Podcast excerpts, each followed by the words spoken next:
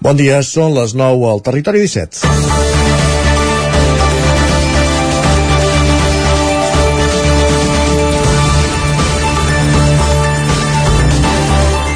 El mercat medieval de Vic va baixar al taló aquest diumenge demostrant una vegada més la seva capacitat d'atraure milers de visitants. Hi ha una combinació de factors que ho fan possible des de l'entorn únic on s'ubica, els carrers del nucli històric de Vic, la distància que hi ha de la comarca d'Osona respecte a l'àrea metropolitana i la resta de grans ciutats de Catalunya, amb la important millora de les comunicacions que hi ha hagut els últims anys i la tradició. Aquest any arribava a la 26a edició i cal ja poca promoció d'una fira que tothom coneix. Quan l'Ajuntament de l'exalcalde de Vic, Jacint Codina, va pensar impulsar una fira de Nadal a l'estil de les que es fan a les grans ciutats, ciutats europees, per promocionar la ciutat segurament no pensava en les dimensions que ha anat assolint. En aquesta edició hi havia 385 parades d'alimentació, decoració, joieria, complements de roba i artesania provinents de tot Catalunya, la resta de l'estat espanyol i també algunes de Portugal i França. La demanda sempre supera el nombre de parades que pot acollir la ciutat. Aquest aquest, com la xifra de visitants, és un altre barem per valorar la fira, com també l'impacte econòmic que té en diversos sectors de la ciutat i la resta de la comarca, com el de la restauració. Les xifres, però, ni la d'assistents ni la del volum de negoci han de ser els únics objectius. La quantitat segurament ja, s'ha tocat, ja ha tocat sostre i ara cal fer passos en qualitat. Fa un temps que es treballa per apuntalar el mercat amb, els, amb altres projectes culturals paral·lels. Primer s'hi va incorporar la representació de la Sal de l'Alta Riba, ara Trifulga, un muntatge teatral itinerant inspirat en una història real i aquest any s'ha estrenat la prèvia del medieval, una mena de preàmbul al cap de setmana abans, amb una vintena de propostes adreçades a un públic local, per redescobrir l'empremta medieval de la ciutat. Però cal també tenir en compte que esdeveniments d'aquestes dimensions, amb el volum de gent i vehicles que mou, les aglomeracions, carrers tallats i strolls, també provoca queixes de veïns. La convivència entre uns i altres és un altre dels grans reptes que tenen els organitzadors en les properes edicions. És dilluns, 12 de desembre, ressaca del Mercat Medieval i d'altres fires, i ara ja sí, tret de sortida definitiu cap a les festes de Nadal, Cap d'Any i Reis. Comença el Territori 17 a la sintonia de la veu de Sant Joan, Ràdio Cardedeu, Ona Codinenca, Ràdio Vic, el 9 FM i també, ja ho sabeu, ens podeu veure a través del 9 TV, Twitch i YouTube. Territori 17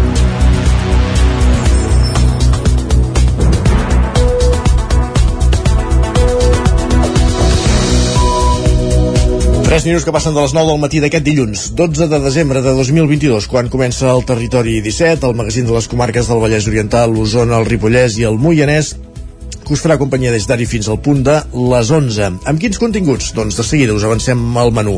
En aquesta primera mitja com cada dia, el que farem serà repassar el més destacat de les nostres comarques, informativament parlant. També farem un cop d'ull a la previsió del temps de la veu d'en Pep Acosta des d'una codinenca i anirem al quiosc a veure quines són les portades dels diaris d'avui amb en Sergi Vives.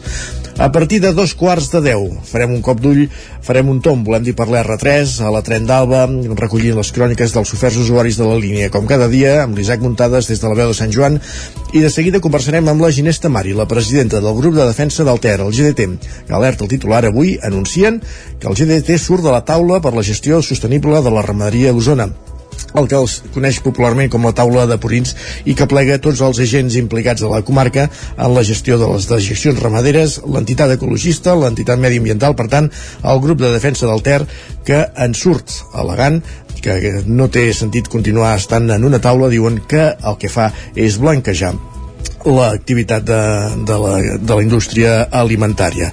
En parlarem, com dèiem, amb la presidenta del GDT a partir de dos quarts de deu aquí al territori 17. En aquesta primera hora del programa també com també saludarem la Laura Serrat una, un dilluns més des de Ràdio Vic, avui per parlar d'activitats que fan de cara a Nadal les associacions que lluiten contra el càncer. I arribarem al punt de les 10 com cada dia amb música. A aquesta hora ens posarem al dia amb les notícies més destacades de les nostres comarques, previsió del temps i esports. Repassarem com ha anat la jornada esportiva pel pels equips de les nostres comarques. Farem un cop d'ull a Twitter, cada di com cada dia en punt a dos quarts d'onze, en companyia d'en Guillem Sánchez, i acabarem el programa amb la tertúlia esportiva, ara que ja s'han definit les semifinals del Mundial del Qatar, Croàcia-Argentina i França-Marroc. De tot plegat en parlarem a la recta final del programa del Territori 17, que tot just ara comença.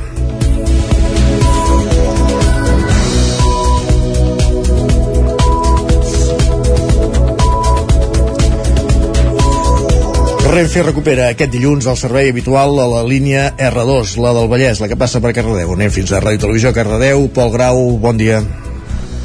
El servei de les línies R2 i R11 recuperarà finalment avui dilluns a primera hora del matí els recorreguts i horaris habituals després de gairebé 3 mesos d'alteracions per les hores de construcció del nou desert ferroviari per l'interior de la futura estació de la Sagrera, a Barcelona. Inicialment s'havia previst per ahir diumenge, però es va haver de posposar un dia per problemes sobrevinguts a la posada en marxa. A la vegada, això comportarà l'estrena de la nova estació de Sant Andreu, on s'han soterrat les vies. El retorn a la normalitat, que era un dia més tard del calendari fixat per Adif i Renfe, implica recuperar la connexió de les estacions de l'R2 del País Oriental amb les del centre de Barcelona. Durant gairebé 3 mesos, Sant Andreu Comtal i en dies puntuals com aquesta darrera setmana a Montcada i Reixac han estat les estacions d'inici final de recorreguts. En paral·lel, tornen a estar operatius els trens amb sortida de Sant Celoni, que arriben fins a l'estació de l'aeroport del Prat.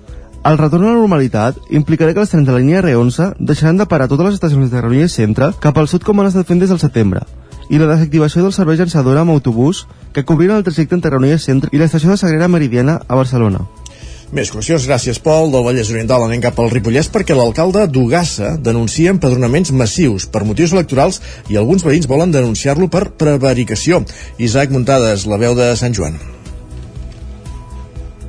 La cursa electoral a Ugassa està molt calenta mig any de les eleccions municipals del pròxim mes de maig. L'alcalde ugassenc Josep Trems va obrir la caixa als trons amb l'escrit al programa de la festa de Santa Bàrbara, dient que s'estaven produint empadronaments massius de persones que no resideixen al municipi. Trems afirmava que la llei és molt clara i que es podia sancionar a aquestes persones si es demostrava que no era l'habitatge on hi vivien més dies a l'any. La seva sospita és que es vol superar el padró municipal a més de 250 habitants perquè hi hagi llistes tancades de 7 persones i no llistes obertes, afirmant que així no es vota la persona directament. Trems ho atribuïa que hi havia algú que tenia por de no ser el més votat i de no ser el legítim alcalde que escolliria el poble amb unes llistes obertes. A més a més, l'alcalde republicà va recordar la figura de l'exregidor Josep Riera, que va qualificar de ser molt honest perquè vivia a les masies de Voltregà i votava allà perquè hi estava empadronat. Sense dir noms, les acusacions de l'alcalde van dirigides cap a la llista de Fem Poble encapçalada per l'actual president de l'Associació de Persones Amigues i Veïnes d'Ugassa, Carles Mercader. Ell va detallar que no s'empadrona ningú des del dia 12 de novembre. Actualment, i segons dades de l'IDESCAT de l'any 2021, Ugassa té 240 habitants i s'hi haurien volgut empadronar una dotzena de persones, entre les quals hi ha el seu fill de dos anys i la seva dona. Mercader apuntava que la meitat d'ells no tenen dret a vot i tenia clar que l'alcalde estava posant traves al procés d'empadronament a través de la inacció i que podia incórrer en un acte de prevaricació. Mercader tenia clar els motius de la inacció. I segons diu l'alcalde, eh, la interpretació que fa als seus serveis jurídics és que has d'empadronar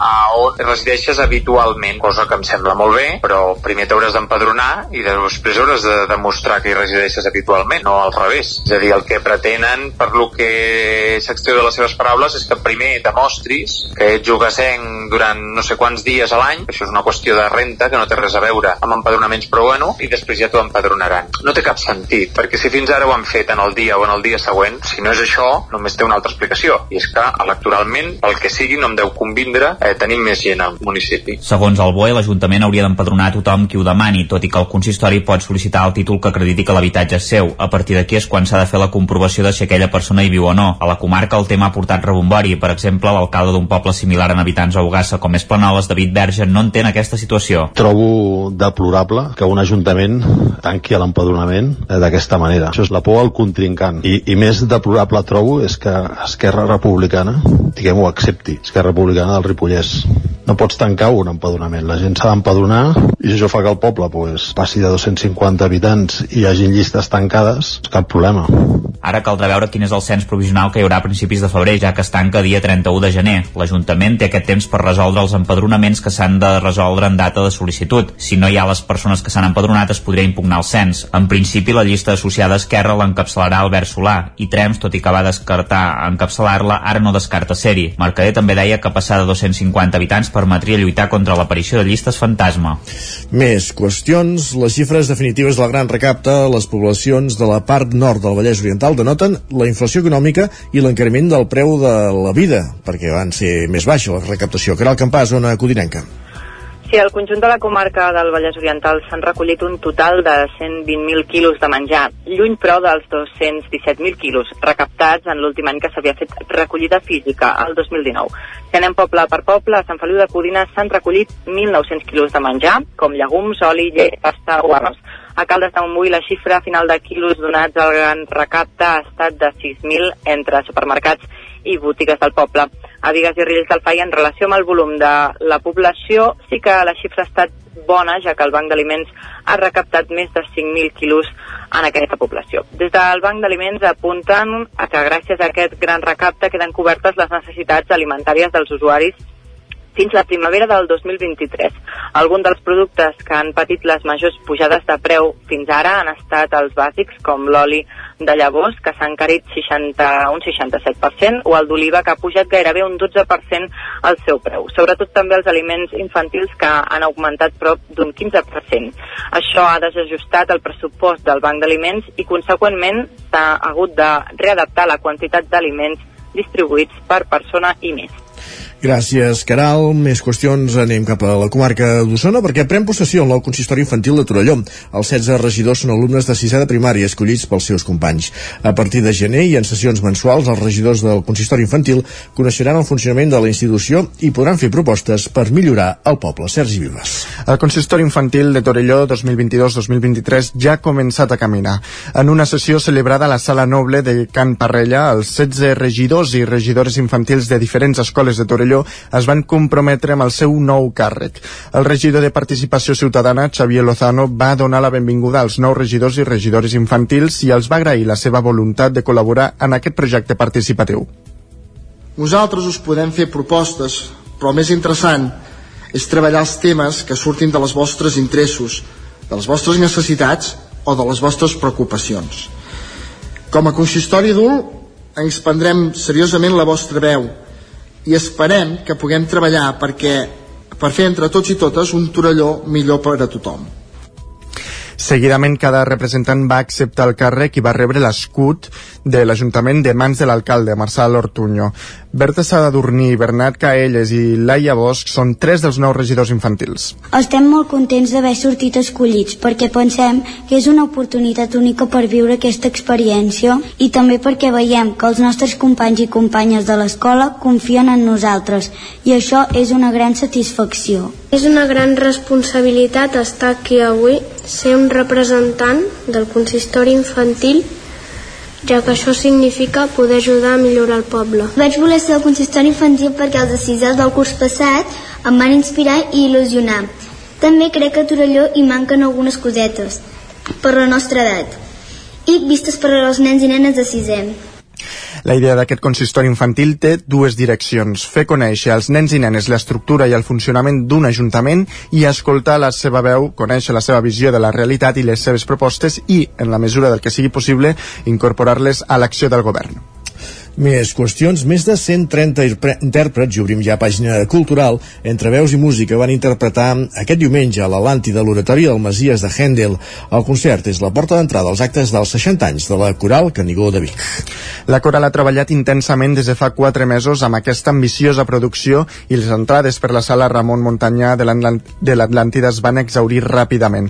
Olga Coll, cantaire de la Coral Canigó i a més a més ens fa molta il·lusió de que ho haguem pogut aconseguir, que era un dels grans objectius, mm. de que poguessin entrar gent jove a participar d'una activitat coral, poder entrar en el món coral, poder entrar a cantar un Masies. Arrenquem ara, però és un mm. projecte que com que hem entrat a dintre un circuit de la Generalitat, no només el cantarem aquí, sinó que és un projecte que, que correrà durant tot l'any. Tenim molt d'interès i, és, i ha sigut sempre un dels nostres estàndards de, de promoure el que és la cultura i la llengua catalana i la música catalana uh mhm. -huh. i eh, com ja abans he dit del pessebre, aquest any també ja la, farem el pessebre de, de Pau Casals la celebració del 60è aniversari ha començat amb el Messies, però hi ha altres projectes sobre la taula com la interpretació d'un altre oratori, el Pessebre, amb la lletra de Joan Alavedra i música de Pau Casals.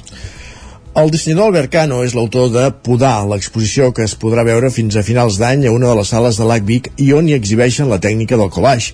A pocs metres, el fotògraf Toni Carrasco i el poeta Carles Tax signen la 17a edició dels relats fotogràfics. Entès estrictament com l'acte de treure les branques superflues, malaltes o mortes d'un arbre per deixar-lo en millors condicions, podar és el terme que dona nom a l'exposició que el dissenyador gràfic Albert Cano signa en una de les sales de l'ACVIC, Centre d'Arts Contemporànies. A partir d'imatges trobades en premsa i publicitat, Cano exhibeix la tècnica del collage Per això una mica és el podar, eh? Diguéssim, el concepte podar, tot i que el portem a l'univers de, bueno, la realitat de, de la vegetació, no? Um, aquí també és una revista que eh, és, diguéssim, com l'arbre, no? És una pròpia revista que jo tallo i configura, canvia d'aspecte. Cano, que s'autodomina addicte a les imatges, assegura que Apoda ha defugit de la seva tonalitat per autonomàcia al blanc, al negre i els colors apagats que per presentar una proposta més atrevida. També he fet una mica un exercici perquè a mi m'agraden els tons emplomats, apagats, no sé què, no? I, i ara poder també aquest eh, és un exercici que he fet anant a buscar eh, atrevint-me no? amb aquest tema, aquest univers més més de color, més intens que una mica és el, el món també del que vas trobar a la revista que bàsicament són uh, temes de publicitat imatges i tal, i vull dir, sense, sense cosa, aquesta cosa com més que alhora és més visceral, més impactant, eh? però vull dir, sí, un exercici d'atrevir-me amb el color també, que també també m'ha anat bé. A l'entrada i en el marc de la 17a edició dels relats fotogràfics, Toni Carrasco hi exposa una imatge que va realitzar l'any 2007 a Berlín, on es pot veure una noia que reflexiona davant d'un tros del mur, encara d'en peus. Jo recordo que era l'estiu del 2007, eh, perquè jo durant molts anys, anteriorment entre el 89, quan va caure el mur, i el 95 havia anat molt a Alemanya per temes d'intercanvis juvenils internacionals i al anar molt a Alemanya també vam coincidir de voler veure una mica el post, diguem després d'un cop havia caigut el mur i vam aprofitar diversos dies dintre dels, dels viatges d'anar diversos vespres a veure les postes de sol i veure una mica Berlín aquesta imatge tan, tan autèntica, tan grisosa, tan amarronada de la, de la ciutat. La imatge s'acompanya d'un text del poeta Carles Dax que reflexiona sobre la figura que, de la dona que hi apareix. Les dues mostres es podran veure l'ACVIC fins al 30 de desembre. Acabem aquí, gràcies Sergi, aquest repàs informatiu que començàvem al punt de les 9 del matí en companyia de Sergi Vives, Isaac Montades, Caral Campàs i Pol Grau. Moment en el territori 17 de saludar també amb Pep Acosta i saber la previsió del temps, quin temps farà les properes hores.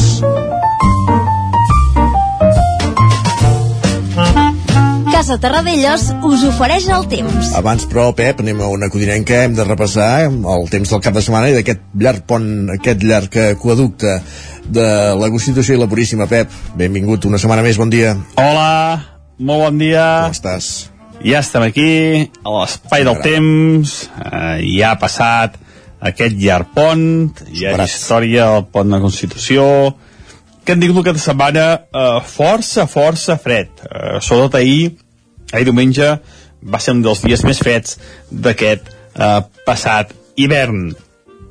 Avui ens llevem eh, com deia, unes temperatures, la majoria mínimes, entre el 0 i els 5 graus, en moltes, moltes eh, poblacions, temperatures negatives a la zona del Pirineu, òbviament, que ja fa molts dies que hi glaça, i glaça, i glaça, com és normal i lògic per aquestes eh, dates.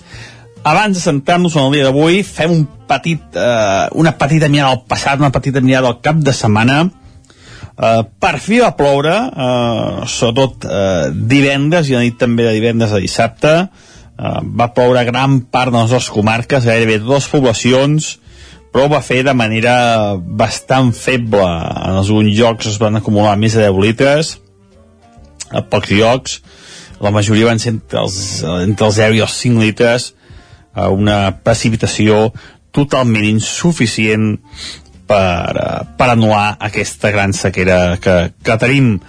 Mm, uh, I ahir diumenge aquest front va permetre una entrada de vent de nord que es va notar ja divendres, ai, dissabte, perdó, a la nit, i sobretot, sobretot, uh, ahir. Ahir va ser un dia, de, com deia, molt fred, la majoria de màximes entre els 5 i els 10 graus, un dia tapat, però sense pluja a les nostres uh, comarques.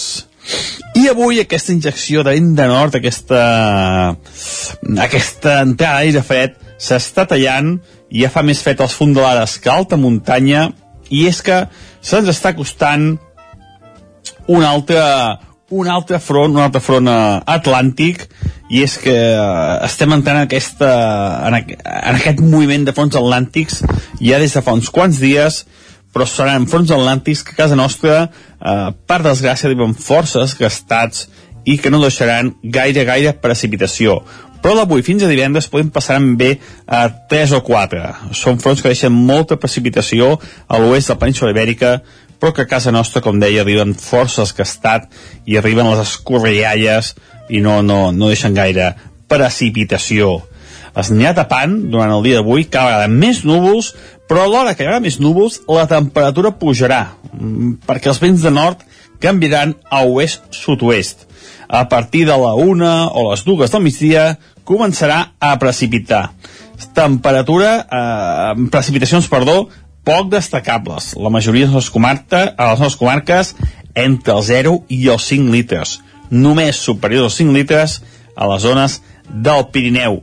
La cota de neu es dispararà, eh, passarà dels 1.400, 1.500 metres fins als 2.000 metres. I és que temperatura màxima, si ahir voltava els 7-8 graus a moltes comarques, avui superarà els 11-12 graus. I això que estarà tapat i en precipitació, eh, un indici d'aquesta pujada de les temperatures. A partir d'aquesta matinada, el front ja marxarà i les temperatures quedaran força més suaus que les últimes eh, nits. Els vents febles de direcció oest-sud-oest i eh, de direcció eh, sud-oest eh, amb uns vents eh, una mica més destacables a les zones eh, de muntanya. Poca, poca cosa aquests vents. I això és tot. A disfrutar el dia d'avui, a disfrutar d'aquest eh, front, aviam si ens, ens porta més precipitació de la que, de la que és prevista. Ja. Moltes gràcies, adeu. Doncs va, avui precipitació, un front, però d'entrada poca aigua. Ja ho veurem. Gràcies, Pep, fins després. Casa Tarradellas us ha ofert aquest espai. I del temps anem cap al quiosc. Perquè és moments de saber, Sergi, quines són les portades avui dels diaris. És dilluns, per tant, comencem per les portades del 9-9. Doncs efectivament, comencem per la d'Osona i el Ripollès, que encapçala la portada amb el titular Gentada. I això doncs eh, efectivament ho, ho, ho relacionen directament amb aquest mercat de, amb aquest mercat de medieval de Vic i també amb la Fira d'Avet d'Espinalbes de fet aquí veiem una fotografia amb moltíssima gent eh, a la plaça Sant Felip de Vic ah, exactament i també eh, destaquen eh, que s'han posat barrots, que el mossèn d'Espinalbes ha posat barrots a l'església per tal de limitar uh, l'accés dins, dins d'aquest recinte. Hi ha hagut un, un debat. També veiem la fotografia d'aquesta coral que aneu, que ara comentàvem que ha fet que celebra el 60è aniversari. Anem cap al 9-9 del Vallès Oriental, que expliquen que el turisme de residus pel porta a porta Santa Eulàlia i la Garriga li costa 50.000 euros a l'Ametlla. Doncs la solució, l'Ametlla, porta a porta. Mira que senzill. I després els municipis que siguin limítrofs amb l'Ametlla. Amb l'Ametlla. En fi, Uh, sí. Um, de fet, T'imagines Emillet fent el porta a porta? Va. Aquí també veiem una fotografia de pessebres de carn i ossos. Expliquen que Sant Fost, Cànoves, Riells i Vallgorg... Vallgorguina. ah, això mateix, arrenquen la temporada de representacions. Molt bé. Comencen l'època de pessebres, acabem les fires, ara ja venen els pessebres vivents, en fi, eh, estem entrant ja a la, Efectivament, a la, a, a, a la campanya de Nadal. Correcte. Més qüestions. Doncs anem cap a les, les portades dels diaris de Catalunya. Sí. El punt avui encapçala la portada amb plagues urbanes. Expliquen que el canvi climàtic afavoreix la proliferació de mosquits tigre i paneroles. Afegeixen que l'onada de calor també ha provocat l'aparició de més rates a les ciutats. També diuen que Vic i Espinelves tanquen el pont anant a l'alça. Expliquen que el Mercat Medieval i la Fira de l'Avet recuperen el nombre de visitants prepandèmic. I de fet aquí veiem una fotografia d'una parada de les centenars que hi havia en aquesta edició del mercat. I també destaquen que el vot espanyolista arriba més fragmentat a les municipals. Afegeixen que el bloqueig del procés divideix l'unionisme. El periòdico explica que el govern subvencionarà la setmana laboral de 4 dies. És un pla pilot amb un pressupost de 10 milions d'euros. I sota el titular sortir dels jutjats expliquen que Sánchez defensa a Barcelona la solució política al conflicte català, verbalitza el seu pla de repetir a la Moncloa i anuncia límits als preus dels aliments. I també expliquen que hi ha inquietud policial per l'increment de l'ús de navalles entre joves. També destaquen que s'ha detingut la vicepresidenta del Parlament Europeu per suborns, això en relació al Mundial de Qatar. Carai. La Vanguardia explica que Sánchez defensa a Barcelona el seu arriscat pla per Catalunya i sota el titular Artemis, missió a, comple a complerta, expliquen que Artemis torna a la Terra després d'un viatge de 26 dies a la Lluna. Es tracta d'aquesta missió espacial. Que no ha funcionat, vaja. bueno. De fet, aquí, aquí veiem una fotografia d'aquest satèl·lit aterrant a, a l'oceà Pacífic. Molt bé. També expliquen que la rehabilitació d'habitatges eh, desaprofita els fons europeus Next Generation. I per altra banda mm, destaquen que els russos ataquen en totalitat la línia del front al Donbass. Lara, per la seva banda, destaca que la riquesa dels joves cau a la meitat des del 2008. Expliquen que les dades revelen les pitjors condicions econòmiques dels millennials i la generació Z. També expliquen que Sánchez vol rebaixar a 4 anys la malversació per a casos com l'1 d'octubre i a l'edició d'avui de l'Ara hi ha dues noies amb anorèxia que expliquen la seva situació. Una d'elles diu sempre tenia fred i estava cansada, em queien els cabells i em va marxar la regla. Déu-n'hi-do. Uh, anem a les portades que s'ha dit a Madrid. Anem cap a Madrid. El país explica que l'esmena del PSOE i Unides Podem en relació a la reforma de la malversació baixa penes però no deixa impune el procés. També expliquen que Sánchez ha ampliat dos anys l'escut antiopàs per a empreses eh, estratègiques. Destaquen també que s'han imputat membres de l'Eurocambra per corrupció amb Qatar. L'ABC explica que Sánchez justifica la seva rebaixa del Codi Penal en la necessitat de rescatar a Catalunya. El Mundo denuncia que de la Cueva va ocultar el seu consell al fitxatge del marit de Calviño al patrimoni nacional. I la raó destaca unes declaracions de Pedro Sánchez. No sé si jo no sé si són veritat, diu farem enrogir Espanya fent diputat a Junqueras. Carai. En fi, una mica de clickbait, No, no potser. sé si amb, aquesta, amb aquestes paraules ho va venir Sí. ho va dir, eh, però vaja. En fi. Farem un vermell a Espanya, però si ja ho és de roja, no? Espanya, en fi. Vinga, va, pa- pausa i tornem d'aquí 3 minuts. El nou FM, la ràdio de casa, al 92.8. Has esperat que arribi el fred per comprovar si et funciona bé la caldera? No pateixis, a Casa Jové som especialistes en manteniment, reparació i revisió d'equips d'aigua calenta i calefacció, tant en l'ambient domèstic com industrial. Si tens una avaria, no ho dubtis. Som Casa Jové. Ens trobaràs al carrer Girona, número 9 de Vic, i al telèfon 93 886 1596. Casa Jové, el teu servei tècnic de confiança. Amb Pradell estalvio energia i cuido la meva butxaca i el medi ambient. Posa't en mans de Pradell. Són experts en calderes de gas i condensació, estufes de pèl·let, energia solar, terres radiants, geotèrmia i aerotèrmia. Pradell instal·la calderes de biomassa per a particulars i per a empreses. Si vols estalviar un 50% en consum, contacta amb Pradell i passa't a les energies renovables. Pradell som a l'Avinguda Països Catalans 27 de Vic. Telèfon 93 885 11 97. Pradell.cat. Us desitgem bones festes. Cobertes serveis funeraris. Els nostres tanatoris estan ubicats en els nuclis urbans més poblats de la comarca d'Osona per oferir un millor servei. Tanatori de Vic, Tanatori de Manlleu, Tanatori de Centelles i Tanatori de Roda de Ter. Sabem que són moments difícils i per això el nostre compromís és atendre-us en tot moment amb un tracte humà, sensible i respectuós. Cobertes serveis funeraris. Telèfon 24 hores 93 883 23 46.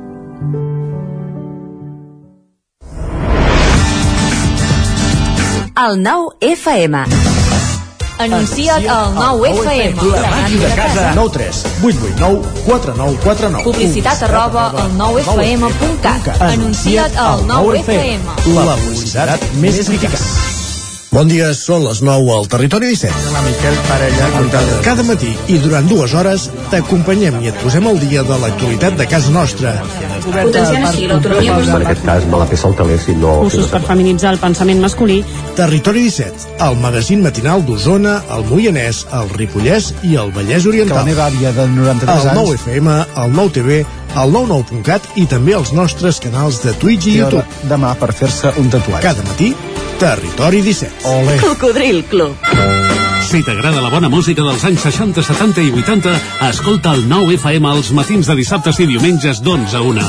És el temps del Cocodril Club, tot un clàssic de la ràdio, amb les bases del pop-rock, les llegendes, les cançons que s'han convertit en autèntics himnes. Recorda, dissabtes i diumenges al matí, d'11 a 1, al 9 FM 92.8. Cocodril Club, el programa revival de l'Albert Malla. Hasta luego, cocodrilo. El 9 FM, el 9 FM, el 9 FM, el 9 FM, el 9 FM. Territori 17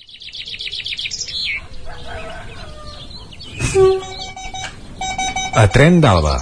Cada dia els usuaris i usuàries de la línia R3 de Rodalies que veuen sortir el sol des d'un vagó ens expliquen les gràcies i les penes del primer comboi que uneix Ripoll i Barcelona o les feixugues jornades amb el tren després de treballar.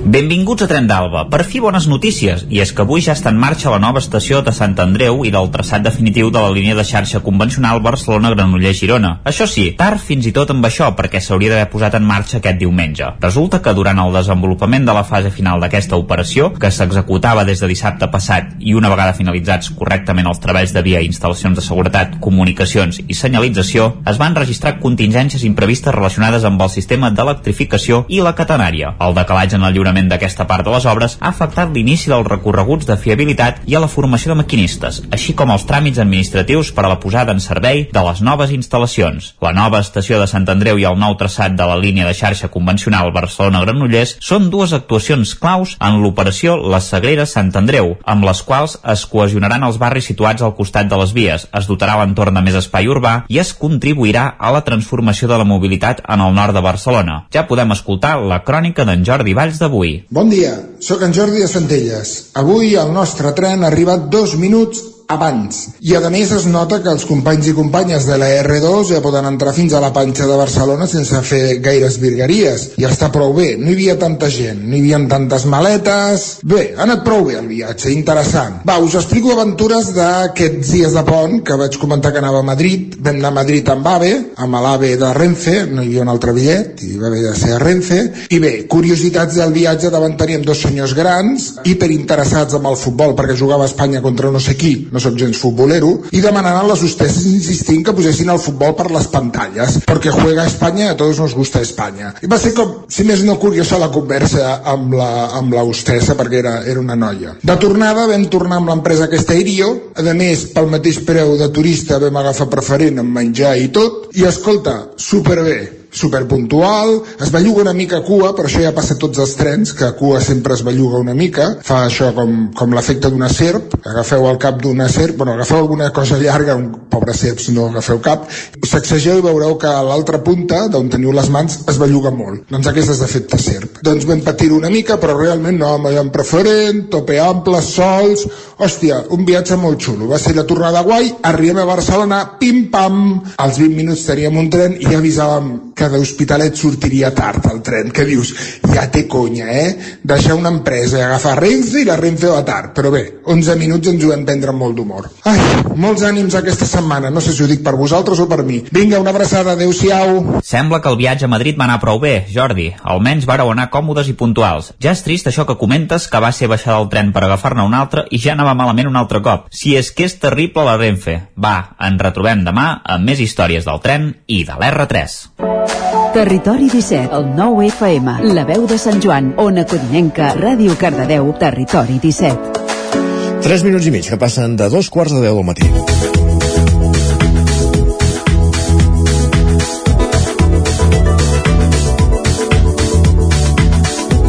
Aquí no hi pintem res, és el missatge que hem vist aquest cap de setmana aparèixer a les xarxes socials del grup de defensa del Ter. D'aquesta manera anuncien que mm, surten de la taula per la gestió sostenible de la ramaderia d'Osona. De fet, ho anunciaran oficialment aquesta tarda, a les 6, en una roda de premsa, però ara el que podem fer és conversar amb la presidenta d'aquest grup de defensa del Ter, el GDT, Ginés Tamari, bon dia, benvinguda. Hola, bon dia. Com, deia, com dèiem el missatge que hem vist aquests dies, aquest cap de setmana a les xarxes socials, aquí no hi pintem res, prou maquillatge verd al sector porcí. Els, el GDT deixem la taula de Purins, aquesta taula de la gestió de les dejeccions ramaderes és un, un òrgan on hi havia representades doncs, diverses instàncies, diversos agents que, que vellen per la millora d'aquestes dejeccions ramaderes. A la comarca d'Osona és evident el problema que hi ha amb la contaminació per, per purins, el GDT i en formava part d'aquesta taula i ara decidiu sortir-ne. Per què?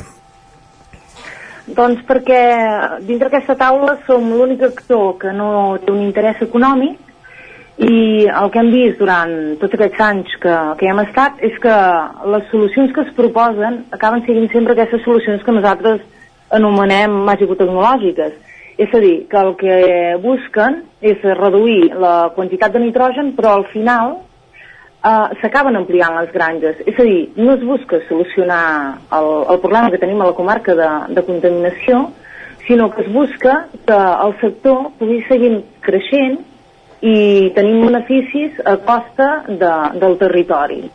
I llavors nosaltres no podem seguir estant a, en un toc on no es busca una solució real al, al problema, sinó que el que es busca és una solució al problema que té el sector, que és eh, pensar que vindran moltes d'Europa i a part la mala imatge que, que dona el fet de tenir les aigües de la comarca com, com les tenim.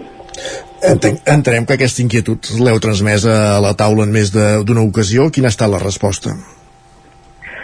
Clar, sempre és això, és, ens deien doncs, que en aquesta taula la, la feina que, que es feia nosaltres sempre proposem la reducció de la cabana porcina i ens deien, doncs no estem aquí per això sinó que estem aquí per això, trobar solucions tecnològiques a, al problema, però per exemple ara fa uns anys es va, van treure aquest pinso per als porcs que s'aconseguia eh, reduir un 25% l'excreció de nitrogen, val? Sí. Però això a priori podria semblar com no, no pot ser la solució total, però sí eh, ajudar una mica, no?, a mitigar el problema. Perquè van fer immediatament van ampliar les granges un 25%. Clar, mm, és que per nosaltres no, no té cap sentit. Si el que plantegen no són solucions reals eh, al territori i tenim aquí, a la comarca un accés d'un 50% de porcs, fins que no comencem per, per aquest primer tema, que és l'accés de porcs, i no, si no comencem reduint aquesta cabana porcina, per nosaltres no, no té gaire, gaire sentit el que es vagi fent. Si la intenció sempre acaba siguent aquesta, no? de val, hem reduït un 25%, ampliem un 25%. Mm, és a dir, no, no en podem formar part. És, és a dir, es busquen solucions per contaminar menys, però s'acaba produint més per contaminar el mateix que ja es contaminava, per entendre'ns. Una mica exacte, és, és això, eh? Exacte, quan ja estem uh, uh, el doble de ports que, que pot suportar el territori en quant a, a les dades de, del departament, eh, que per nosaltres serien encara a la comarca hi hauria d'haver encara menys porcs, però diríem, ja agafant-nos a les dades legals eh, de, de la mateixa Generalitat, tenim el doble de dels que podem tenir. La major part de la Clar. comarca, la major part de la comarca d'Osona és zona vulnerable i per tant hi ha aplicat aquest decret, aquesta moratòria que, que ara mateix impedeix am- ampliar el nombre de, de caps de bestiant el darrer any, per entendre'ns. Eh, eh, aquesta moratòria entenem que és a l'espera de, de, de trobar no, de- d'apuntar cap a noves solucions i aquí és on vosaltres no, no hi veieu tampoc una, una sortida, una solució, no? És que per nosaltres la moratòria eh, ja està bé, és millor que res, però és això que hauríem de partir d'una reducció de tornar a una ramaderia que tingués relació amb el territori. Els ports que hi ha ara mateix aquí a Osona estan menjant en bona part eh, menjar que ve de, de Sud-amèrica. Un 60% del porc que genera la comarca d'Osona marxa cap a altres països. Creiem que en el context actual de, de crisi climàtica i de crisi de, de materials, això no té cap sentit. Hem de tendir cap a la sobirania alimentària i creiem que, que una generalitat valenta el que faria seria dir doncs anem a, a poc a poc a convertir el sector i adequar-lo al, que, al que és el territori. Davant, davant aquesta inquietud que ara transmeties, les respostes sempre són els llocs de treball que en depenen ara mateix a la comarca. Exacte, i de fet a nosaltres també ens preocupa eh, aquest tema, però també s'ha de tenir en compte que per molt que, que, que se'n parla moltíssim d'aquests llocs de treball i la majoria són molt precaris. Vull dir que, per exemple, el tema de, dels escorxadors que ja fa anys que, que va sortint a la llum de totes les problemàtiques que hi ha laborals, de l'incompliment dels drets, les falses cooperatives. Vull dir-te que, mm, clar, quins llocs de treball realment eh, volem mantenir llocs de treball on les persones estan fent entre 12 i 14 hores al dia. Això, això és positiu per la comarca només és positiu pel producte interior brut? Això creiem que s'ha de reconvertir tot el sector i generant llocs de treball de, de qualitat, que enriqueixin el territori i a les persones del territori, no només a, a quatre porcaters industrials. Uh, per, però si ara vosaltres sortiu d'aquesta taula per la gestió de les dejeccions ramaderes qui farà eh, aquesta funció, diguem-ne, ja sé que no és ben bé això, eh, el que hauria de ser, però entre cometes de, de Pepito Grillo, no? d'anar recordant, diguéssim, les coses que, que no es fan en consonància amb el que vosaltres considereu, diguéssim. Ara sí que, eh, si en, si en sortiu, sí que és una mica carta blanca, no?, per continuar amb les pràctiques bueno, que no us agraden. Sí, no, ja, ja t'entenc, eh? però és que, de fet, eh, clar, aquesta taula es diu taula per la gestió sostenible de la ramaderia d'Osona. Mm, mirant els altres sectors que queden, mm, el sostenible de cau. Però és que eh, l'única funció que fèiem era aquesta que dius, eh, estar allà i anar aixecant la mà contínuament, però és que no, no, no importava per res, és que et vull dir, no, no hi havia cap canvi uh, real. Nosaltres podíem dir, doncs, va, no, no estem d'acord amb que s'hagi de subvencionar un altre cop les plantes de tractament de purins. No estem d'acord, però era igual el que diguéssim. Llavors, eh, creiem que fem molta més pressió eh, sortint d'aquesta taula i evidenciant la falsedat de, de, del nom, fins i tot d'aquesta taula, que no pas quedant-nos allà que realment no, a nivell efectiu no estàvem aconseguint res. I per tant, quina serà l'estratègia a partir d'ara? Nosaltres seguirem com sempre, fent els nostres actes, la, la denúncia, les, al mostreig de les fonts i, i aviam si, si en algun moment donat es volgués crear alguna taula eh, on realment que realment s'encaminés a un canvi com, com uh -huh. va ser la, la taula del Ter amb la qual s'han aconseguit grans millores per, per, per la conca del Ter si féssim una taula així on realment hi hagués voluntat de canvi que hi haguessin altres sectors que no, que no fóssim l'únic actor ecologista o l'únic actor fins i tot en representació de la ciutadania en això sí que ens hi podríem sumar però com era ara impensable. De totes maneres sí que estem en una situació en un context eh, social, ambiental amb l'emergència climàtica que també empeny a buscar solucions i alternatives. Doncs això, a reduir les emissions que provoquen els purins com, com pot ser l'amoníac eh, evidentment a reduir l'impacte sobre la terra es busquen, abans parlaves d'aquestes solucions màgico-tecnològiques eh, s'està treballant amb la implantació de, de nous sistemes de, de tractament de les dejeccions per, per treure'n un, un adob que llavors es pugui comercialitzar i que no, que, que no generi l'impacte que fa ara mateix com és l'abocament directe de, del purí a la terra. I amb la situació d'emergència climàtica això ens empenya a anar cap aquí, diguéssim que vulguem o no s'haurà de millorar. Fa una mica de por quan eh, això que estaves explicant, ben bé què es refereixes, perquè a vegades, per exemple, com les plantes de tractament de purins, molta gent es pensa que allà es fa biogàs i s'obté una energia, a partir d'aquesta energia s'obté un residu menys contaminant.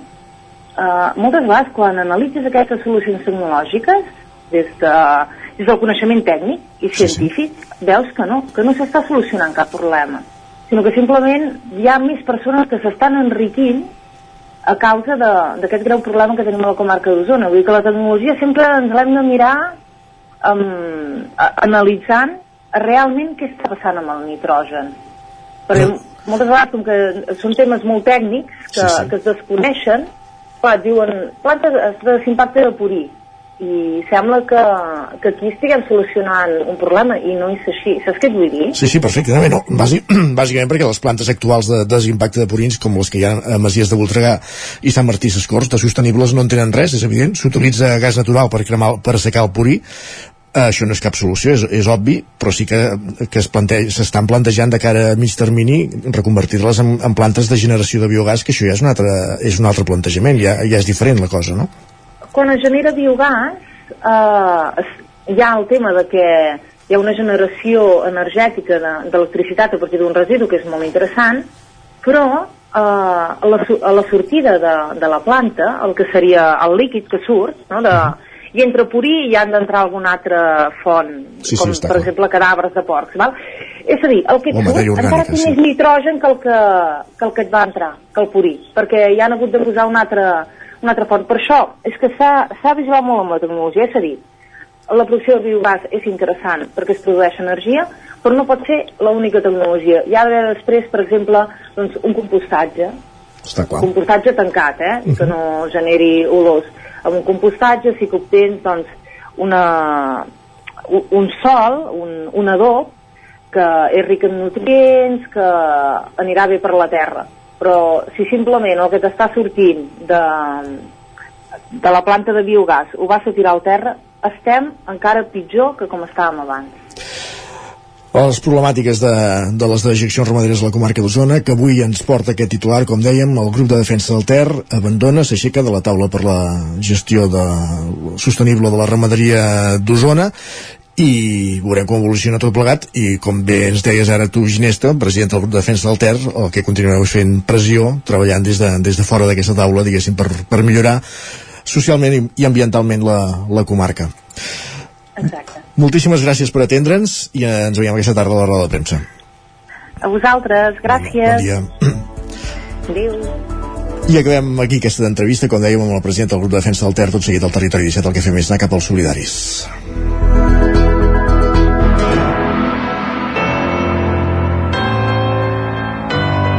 Territori, Territori 17. 17. Territori 17.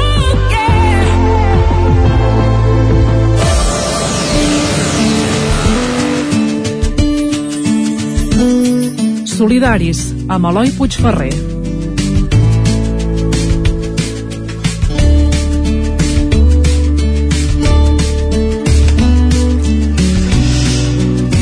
Doncs sí, com cada setmana els solidaris des de Ràdio Vic, no amb l'Eloi Puigferrer, sinó amb la, amb la Laura Serrat, com bé ja sabeu, i aquesta setmana el que fem, després d'haver parlat amb tres entitats que, que tenen a persones o famílies afectades pel càncer, doncs és dedicar-nos a extreure'n monogràfics d'aquestes entrevistes i avui és qüestió de parlar d'activitats que fan aquestes associacions. Laura, benvinguda una setmana més, bon dia.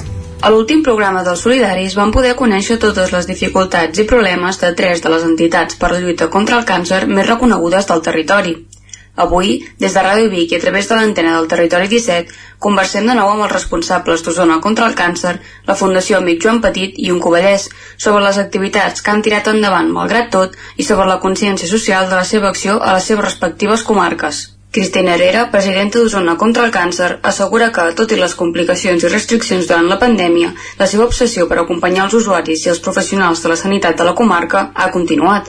Ara mateix tenen un munt d'iniciatives en marxa.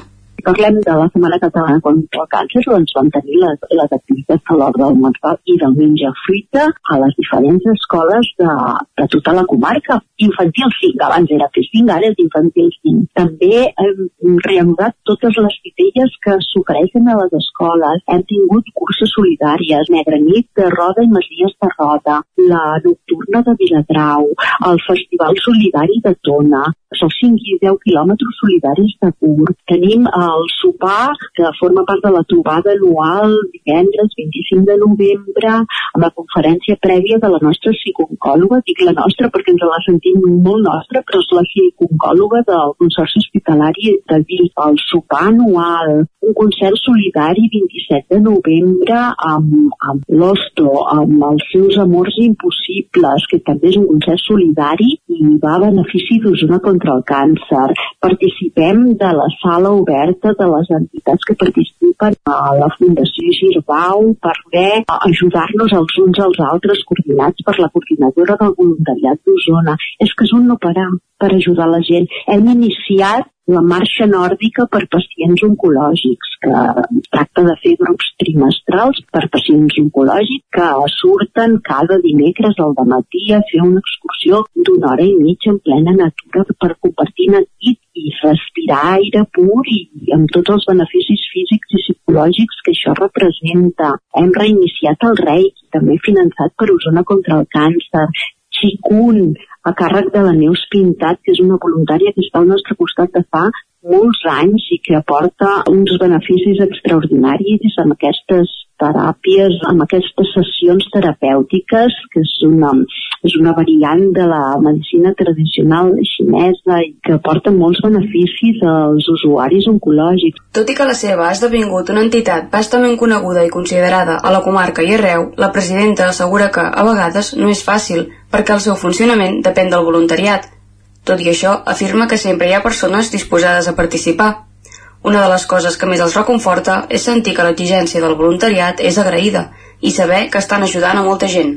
Jo crec que Osona contra el càncer és una entitat ben considerada dintre de la comarca, però jo penso que la gent no se'n fa la idea de vegades que, que som tots voluntaris. I és clar, és difícil, no? Perquè al cap i a la fi un voluntariat el fas perquè vols. Ningú pot estar obligat a fer un voluntariat. Per tant, des del moment que el fas, tu adquireixes un compromís, perquè si no ets capaç d'afrontar aquest repte, el més que no et posis, no ho has de fer perquè et sentis obligat a res. Per tant, tu adquireixes un compromís i el que sí que detectem que, que el nivell d'exigència o autoexigència que tenim nosaltres com a voluntaris és molt alt. I és clar, i s'agraeix molt quan la gent t'ho reconeix és molt d'agrair que et tingui algú i et tingui gràcies pel que feu, perquè et reconforta. El president de la Fundació Amic Joan Petit Nens amb Càncer, Joan Torner, ens parla sobre les emblemàtiques festes torneig de la Fundació, que serveixen per a divulgar i sensibilitzar el càncer infantil mitjançant l'hoquei i recaptar fons per la investigació de la malaltia. Torner ens explica que aquest any 2022 ha estat molt fructífer en quant a activitats, donats els dos anys de paus anteriors, i ens detalla el seu projecte de contribució a la recerca serien el projecte d'estudis doncs, de, de, de tumors cerebrals, que són aquests que malauradament no, no, no es poden curar. Hi ha un grau de supervivència cada vegada millor perquè dels 20 anys que nosaltres vam, o dels 22 anys que vam començar la Fundació, una nota molt esperançadora per la gent que es troba ara, o pels infants o pels adolescents que es troba ara, és que un 80%, i això és una xifra molt macra, un 80% dels càncers infantils es curen. No tots, no tots. Llavors nosaltres lluitem per mirar d'ajudar a veure si es pot aconseguir arribar en aquest, en aquest 20% restant perquè en un futur es poguessin arribar a curar. I a part d'això, doncs, hi ha hagut aquest, aquests dinars i aquests sopars solidaris, hi ha hagut altres activitats i podem dir que aquest any, la setmana que ve, farem l'aportació del 2022 de la xifra de 100.000 euros eh, al Vall d'Hebron Institut de Recerca amb les dues línies d'investigació que s'estan duent a terme de tumors infantils, que un és el, l'apandimoma del tumors cerebrals i l'altre és el sarcoma, que el sarcoma és el, el tumor d'ossos. Torner assegura que tots els esforços de l'entitat es valoren i considera que hi ha molta consciència sobre la malaltia, perquè totes les iniciatives tenen molt bona acollida.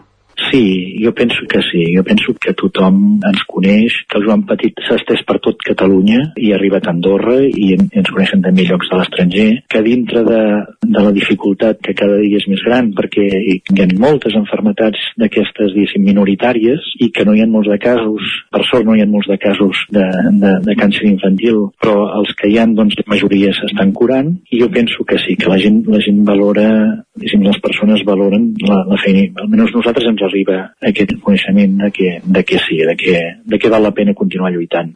La responsable de salut a un Covellès, Carme Grau, ens parla sobre el procés d'acollida i acompanyament dels malalts de càncer.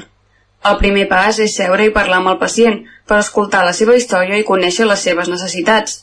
Després, apliquen tot allò que el pacient necessita i li donen una cobertura continuada en forma de diferents tallers terapèutics i projectes. Ara mateix compten amb l'ajuda de més de 2.000 voluntaris i Grau afirma que són l'eix vertebrador de l'entitat. Sense voluntaris la Fundació no hauria pogut ni créixer ni...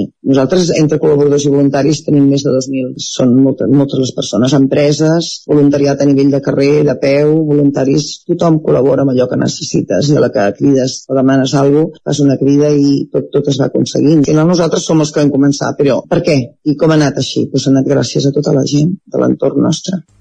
Un dels seus serveis és el taller d'imatge, que inclou la roba oncològica, els mocadors, les perruques, la pell...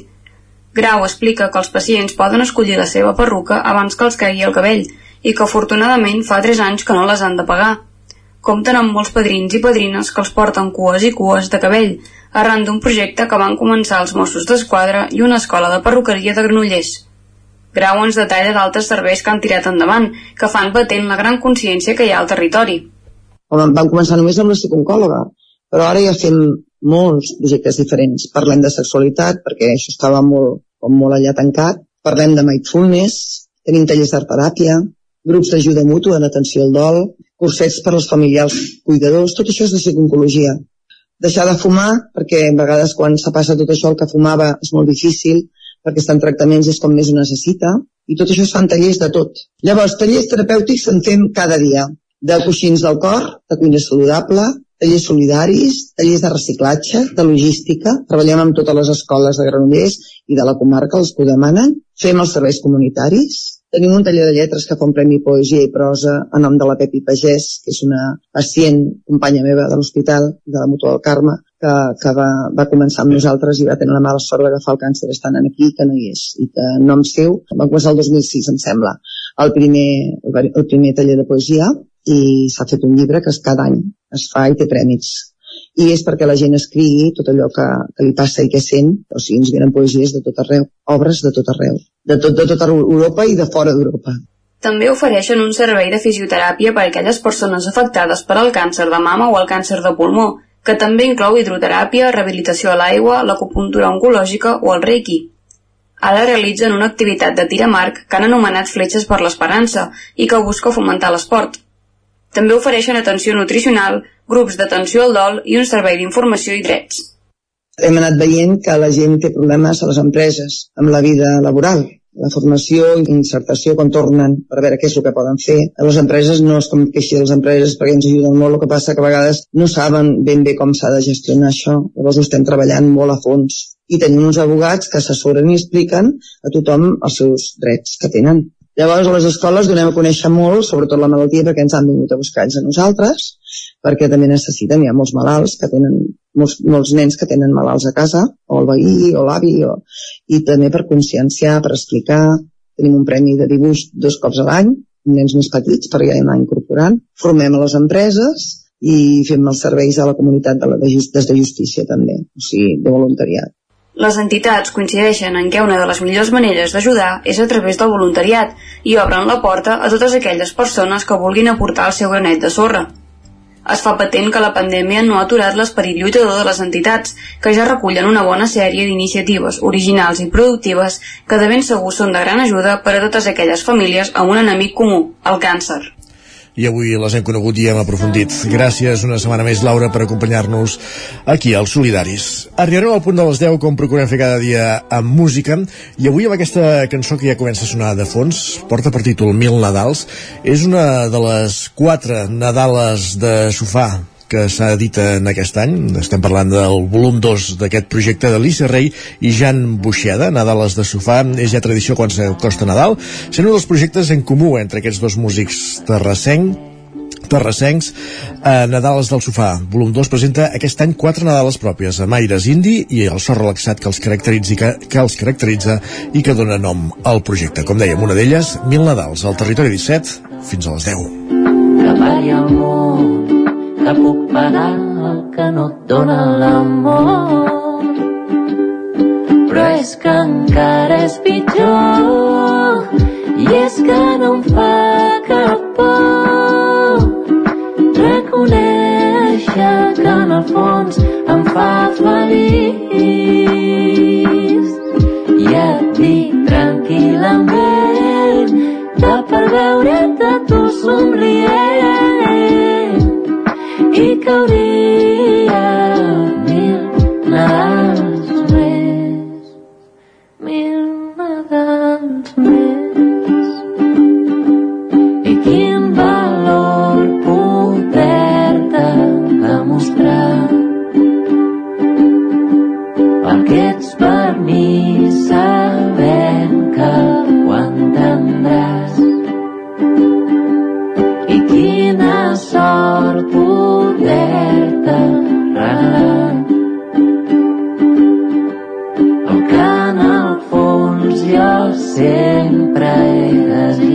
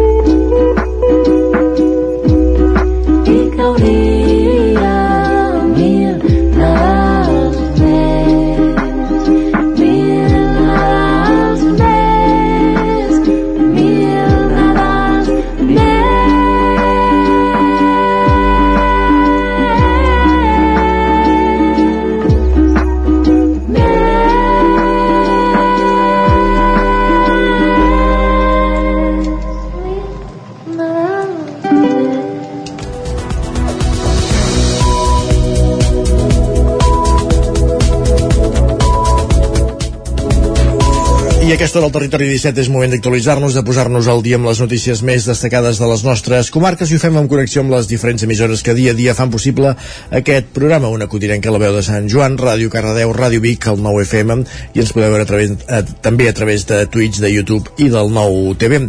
Les comarques del Territori 17 ja ho sabeu quines són, el Vallès Oriental, Osona, el Ripollès i el Moianès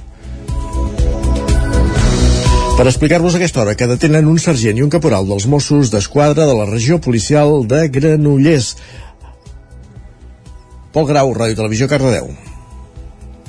La Divisió d'Afers Interns dels Mossos d'Esquadra va detenir dilluns passat dos integrants del grup de patrimoni de l'àrea d'investigació criminal de la regió metropolitana nord, amb seu a Granollers, acusats d'haver-se quedat els diners d'un escorcoll recent. Concretament, segons han confirmat fons del cos policial, es tracta d'un sergent i un caporal d'investigació que treballen a la seu de Granollers dels Mossos d'Esquadra. La Divisió d'Afers Interns va cobrir una investigació interna per aclarir els fets.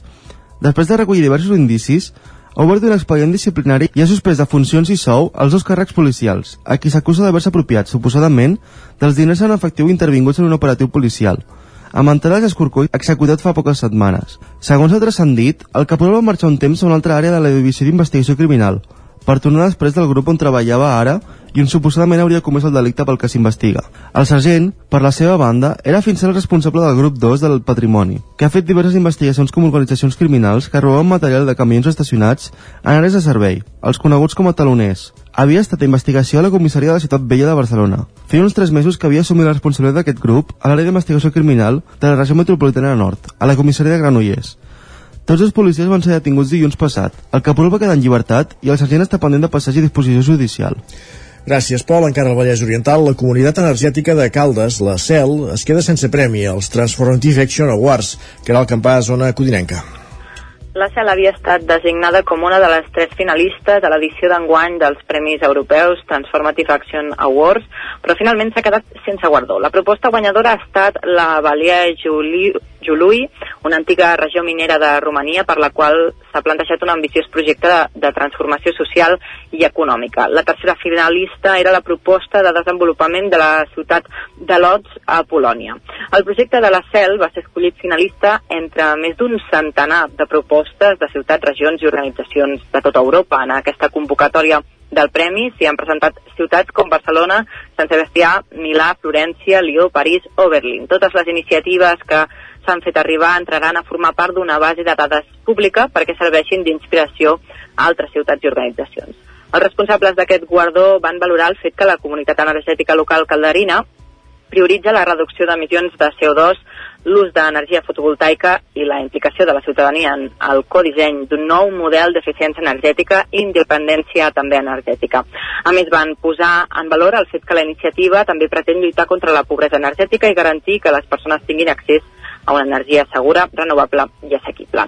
Els Transformative Action Awards estan organitzats per l'ICELI Europe, la plataforma de ciutats sostenibles, una xarxa global de més de 2.500 governs locals i regionals de més de 125 països compromesos amb el desenvolupament urbà sostenible. El guardó té el suport del Comitè Europeu de les Regions i del Banc Europeu d'Inversions. Gràcies, Caral. Més qüestions. L'atur a Osona porta un any estabilitzat.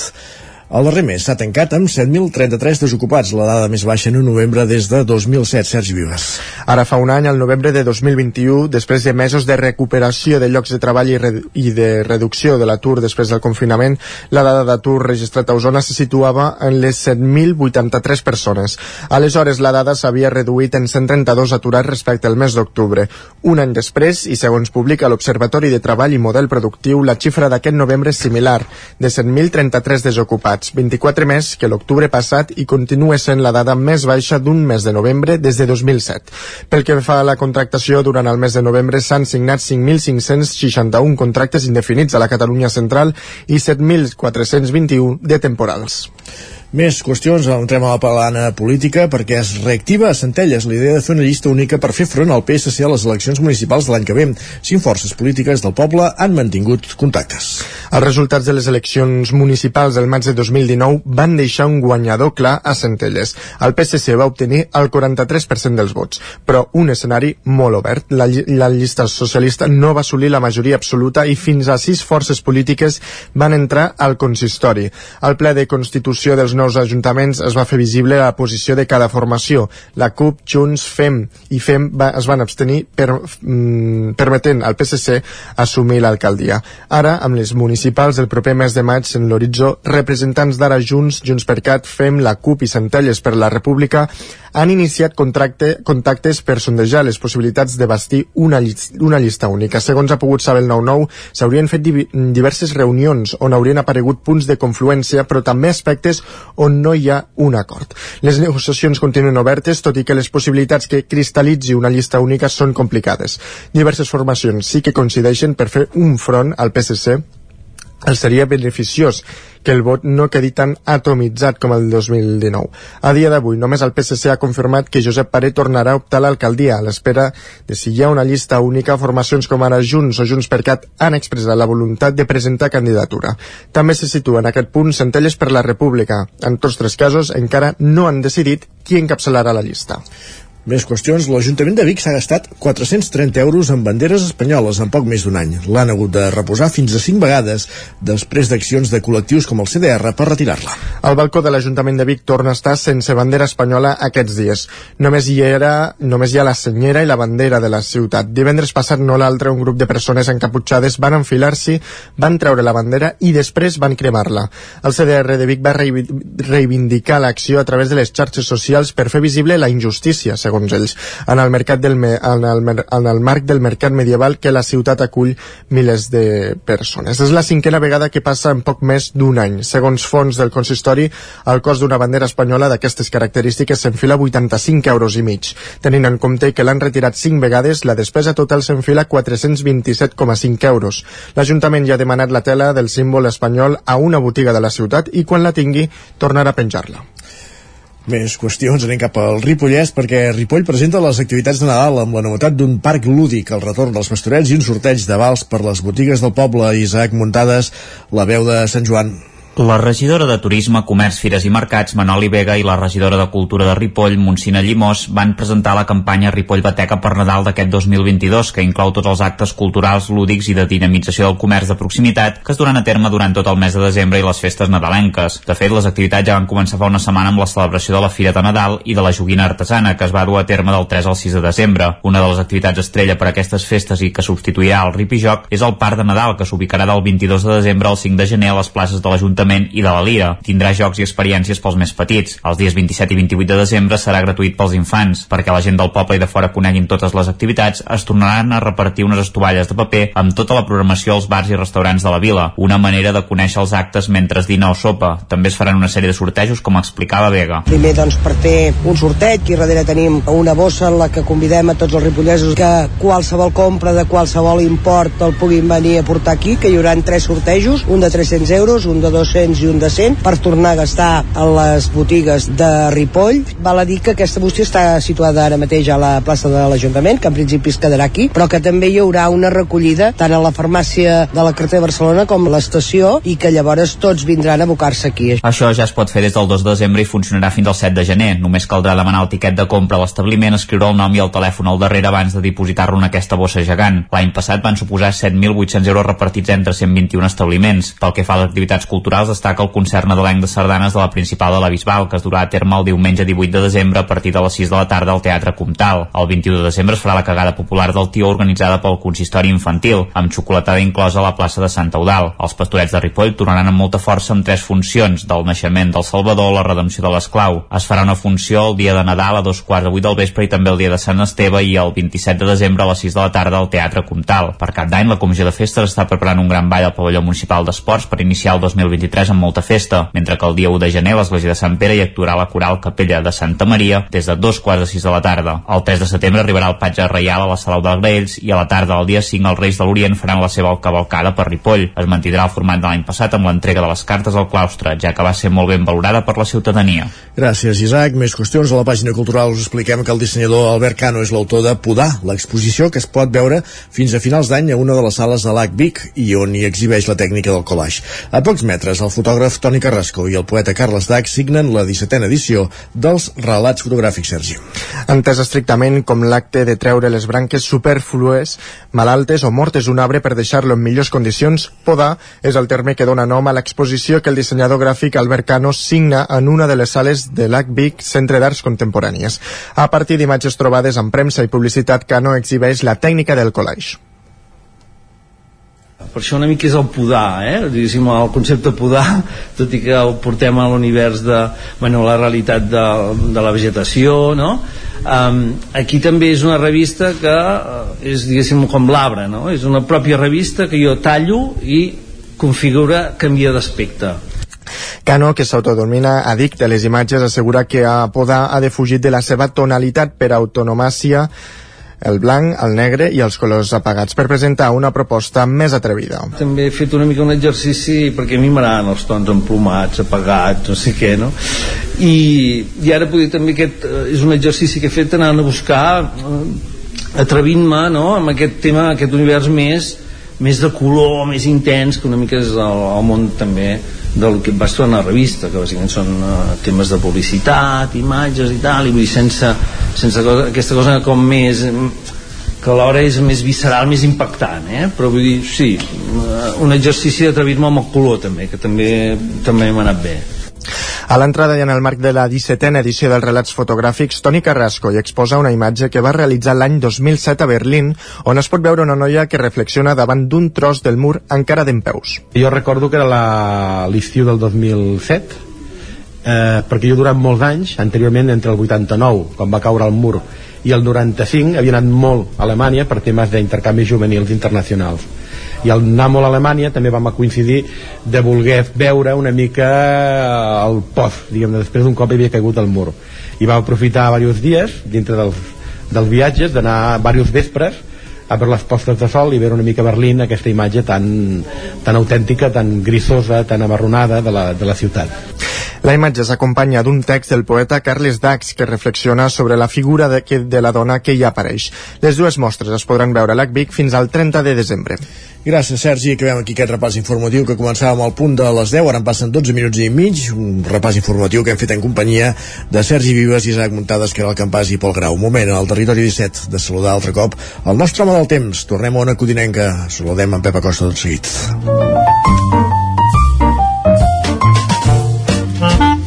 Casa Terradellos us ofereix el temps. Perquè volem saber quin temps farà avui, si plourà o si no ho farà, amb quina intensitat, Pep. Bon dia. Hola, molt bon dia. Se'ns està costant un altre front, un altre front uh, atlàntic, i és que uh, estem entrant aquesta, en, en aquest moviment de fronts atlàntics ja des de fa uns quants dies, però seran fronts atlàntics que a casa nostra, uh, per desgràcia, diuen forces gastats Vaja. i que no deixaran gaire, gaire precipitació però d'avui fins a divendres podem passar bé a 3 o 4. Són fronts que deixen molta precipitació a l'oest de la península ibèrica, però que a casa nostra, com deia, arriben forces gastat i arriben les escorrialles i no, no, no deixen gaire precipitació. Es ha tapant durant el dia d'avui, cada vegada més núvols, però alhora que hi haurà més núvols, la temperatura pujarà, perquè els vents de nord canviaran a oest-sud-oest. A partir de la una o les dues del migdia començarà a precipitar. Temperatura, eh, precipitacions, perdó, poc destacables. La majoria de les, comarca, a les nostres comarques entre el 0 i els 5 litres. Només superiors als 5 litres a les zones del Pirineu. La cota de neu es dispararà, eh, passarà dels 1.400, 1.500 metres fins als 2.000 metres. I és que temperatura màxima, si ahir voltava els 7-8 graus a moltes comarques, avui superarà els 11-12 graus, i això que estarà tapat i en precipitació, eh, un indici d'aquesta pujada de les temperatures. A partir d'aquesta matinada, el front ja marxarà i les temperatures quedaran força més suaus que les últimes eh, nits. Els vents febles de direcció oest-sud-oest i eh, de direcció eh, sud-oest eh, amb uns vents eh, una mica més destacables a les zones eh, de muntanya. Mm, poca, poca cosa aquests vents. I això és tot. A disfrutar el dia d'avui, a disfrutar d'aquest eh, front aviam si ens, ens porta més precipitació de la que, de la que és prevista. Moltes gràcies i fins demà. Adeu. Casa Tarradellas us ha ofert aquest espai. Gràcies, Pep. Del temps, als esports.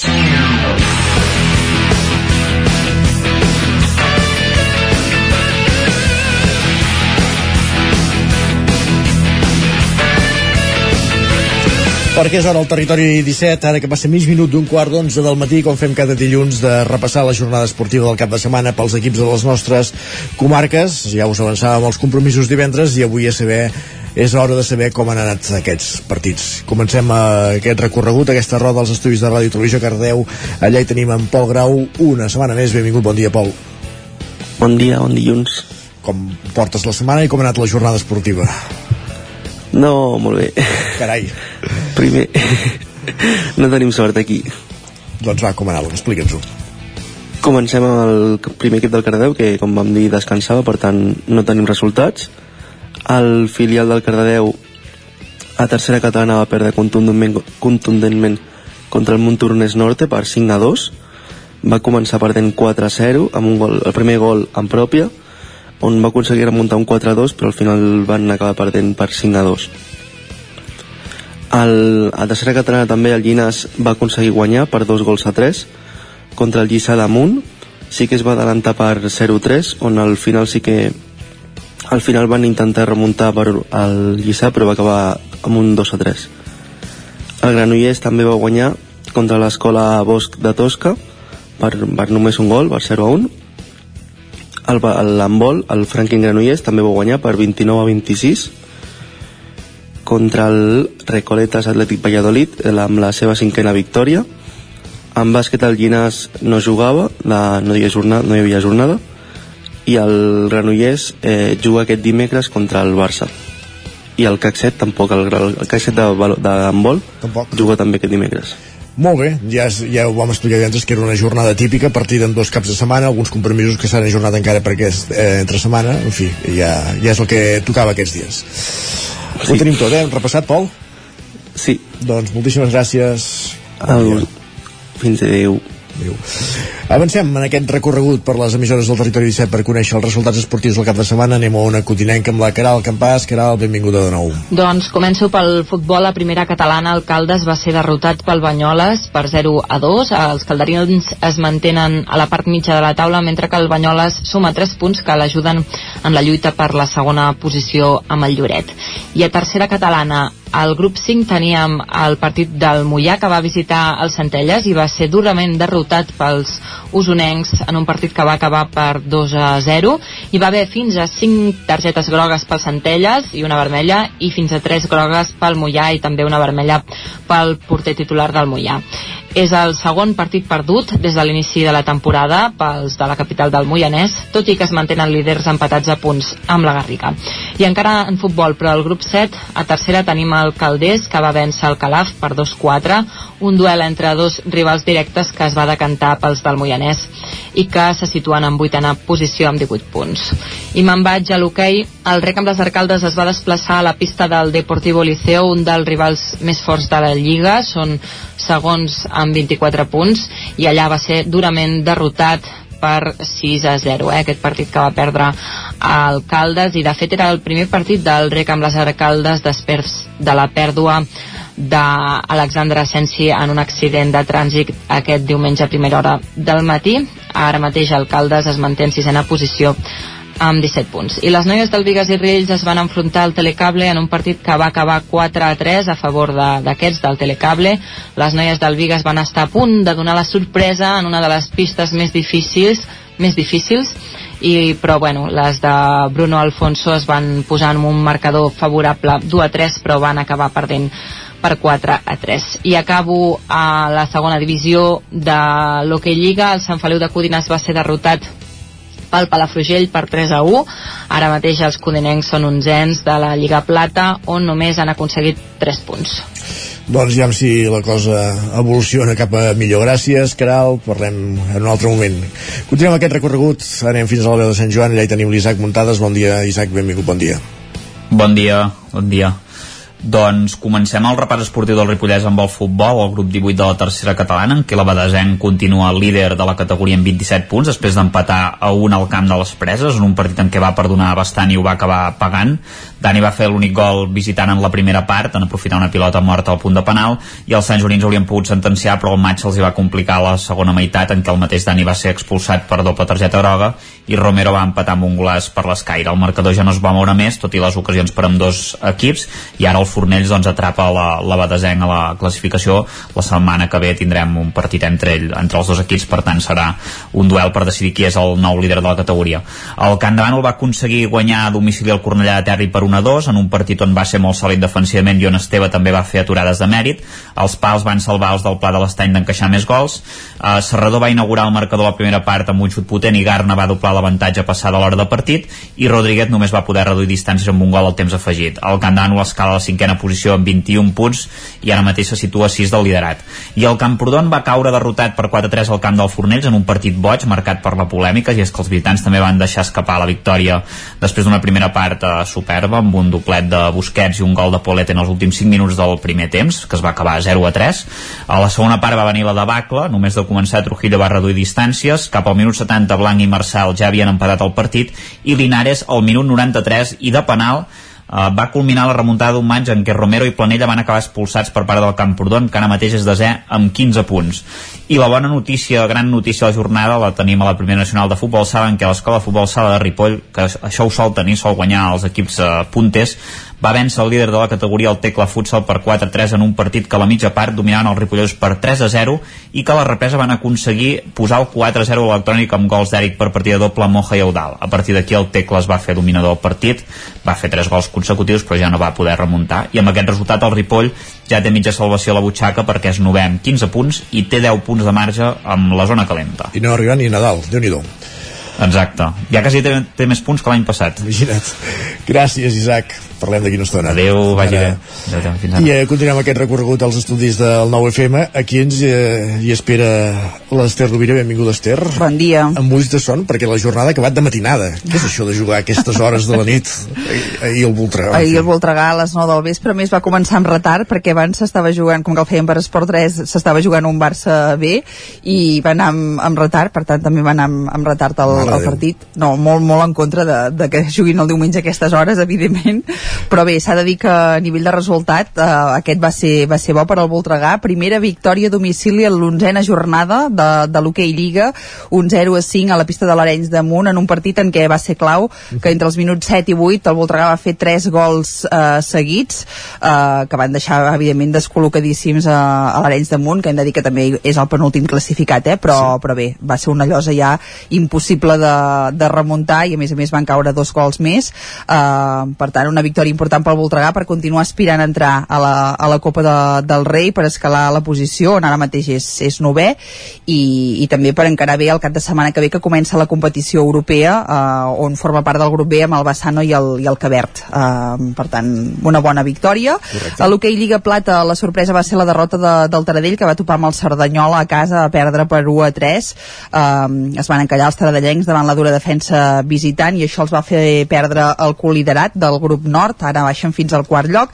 I en canvi on sí que hi va haver victòries va ser el grup sud eh, del Patí Vic que no va tenir pietat del QE l'Alameda d'Osuna aquí li van endossar un 10 a 3 i del Manlleu que ja porta dues, eh, dos, dues jornades consecutives la de dimecres i la d'aquest cap de setmana eh, que si havia tingut problemes de gol doncs ara ja ha trobat el camí per, per aconseguir-los. Segona golejada de, de la setmana dissabte contra l'Espanyol per 5 a 1 eh, doncs en una bona tarda coral de, de tot aquest uh, jove conjunt manlleuenc. A l'hoquei Lliga Femenina també doble victòria dels conjunts usonencs, uh, en el cas del Voltregà a casa en final d'infart contra el Mataró per un ajustat 2 a 1, uh, van dominar tot el partit però com que el marcador uh, doncs no va ser prou, prou ampli, no es van transformar totes les ocasions, es va acabar per, uh, patint en els darrers instants. I també va ser ajustat el resultat del Manlleu a les Rozas, un 2 a 3, uh, però també va ser de clar domini manlleuenc durant tot el partit i en aquest cas sense patir perquè als últims minuts eh, les manlleuenques es van dedicar a gestionar el, el marcador. Això fa que ara mateix eh, biguetanes i ai, manlleuenques i voltreganeses eh, tinguin 18 i 16 punts respectivament a la classificació i siguin quartes i sisenes. Eh, per tant també bona jornada aquesta de, de l'hoquei Lliga femenina. Això pel que fa al més destacat de, de l'hoquei. I en el cas del futbol hem de lamentar una derrota de, del Tona que va caure per la mínima a casa contra el Sant Cristóbal en un partit eh, on no van jugar bé i on el Sant Cristóbal va perdonar el segon gol en més d'una ocasió per tant podria haver estat una derrota més àmplia. I el Torelló també va patir a primera catalana eh, una, una derrota d'aquelles que fan mal un 0 a 5 contra l'escala. Eh, això sí que hem de dir que és el, és el líder eh, i per tant un partit on això podia, podia passar però, però sí que és cert que que ara mateix el Torelló és desè amb 10 punts i que doncs, segurament eh, l'equip esperava sumar-ne algun més en el que portem de temporada i el Tona, eh, que no ho he dit, a tercera federació, eh, després d'aquesta ensopegada, eh, és també desè, en el seu cas amb, amb 17 punts. Val a dir que tots dos s'estrenen a la categoria. Que exacte, que, sí, sí. Que d'entrada no és una mala posició. No, no, no, uh, totalment. Però sí que és veritat per com s'han produït alguns partits que s'han sí, sí. escapat alguns punts no? que, que, que hi comptaven. I acabem amb dos apunts punts més eh, d'entrada que a Ceba i s'hi va fer una nova edició de la cursa de 3 hores de resistència a Laia Sans amb victòries d'Àlex Puey i Albert Fontova eh, en una cursa amb 45 equips participants eh, gairebé un centenar de, de pilots i molt ambient de, de motor eh, la Laia no hi va participar perquè d'aquí 15 dies marxa al Dakar i per evitar de, de lesionar-se sí. i l'altre punt d'interès era també ahir al matí a Tona on el municipi va fer un sentit acte d'homenatge eh, al Club de Patinatge Artístic per als èxits que, que ha aconseguit aquesta temporada, especialment al primer lloc al, al Mundial del grup de show petit, i això doncs, seria el més destacat d'un cap de setmana eh, amb bastanta activitat, malgrat que es va partir eh, la Exacte. jornada entre el cap de setmana passat i aquest. Doncs moltes gràcies, Esther. Que vagi bé. Bon dia. I acabem aquí aquest repàs esportiu al territori 17. Nosaltres el que fem és una pausa i de seguida ens endinsem al món de Twitter. Fins ara mateix. El nou FM, la ràdio de casa, al 92.8. Per a qui seria perfecte aquest piano de juguetos? Per a nens que donin la nota. I aquest maletí de pintura? Pels que volen pintar alguna cosa a la vida. Jugar és viure. I viure és jugar. Vine a la teva botiga Juguetos i emporta't el catàleg de Nadal. Juguetos. Queda molt per jugar. Juguetos. Arriba el Nadal i a l'Hiperbasar Liu ho trobaràs tot i a preus de fàbrica. Vine a conèixer la nova botiga Hiperbasar, la més gran de tot Vic. Ens trobaràs al carrer Torelló, 18 de Vic, al costat del Supeco, i al telèfon 672 62 15 33. Has esperat que arribi el fred per comprovar si et funciona bé la caldera? No pateixis, a Casa Jové som especialistes en manteniment, reparació i revisió d'equips d'aigua calenta i calefacció, tant en l'ambient domèstic com industrial. Si tens una avaria, no ho dubtis. Som Casa Jové. Ens trobaràs al carrer Girona, número 9 de Vic, i al telèfon 93 886 1596. Casa Jové, el teu servei tècnic de confiança. Passema, comercial de maquinària i utillatges amb més de 50 anys al vostre servei. Visiteu la nostra botiga i trobareu productes de gran qualitat. Passema, som al polígon Sot dels Pradals, al carrer Cervera 10 de Vic. Telèfon 93 885 32 51. Us desitgem bones festes. Has d'organitzar un esdeveniment? A l'Ineixat lloguem les cadires, taules, plats, coberts, rams de flors i tota la decoració necessària per preparar qualsevol esdeveniment. Vine a buscar material per a festes, casaments, celebracions culturals, espectacles, concerts o reunions d'empresa i de família.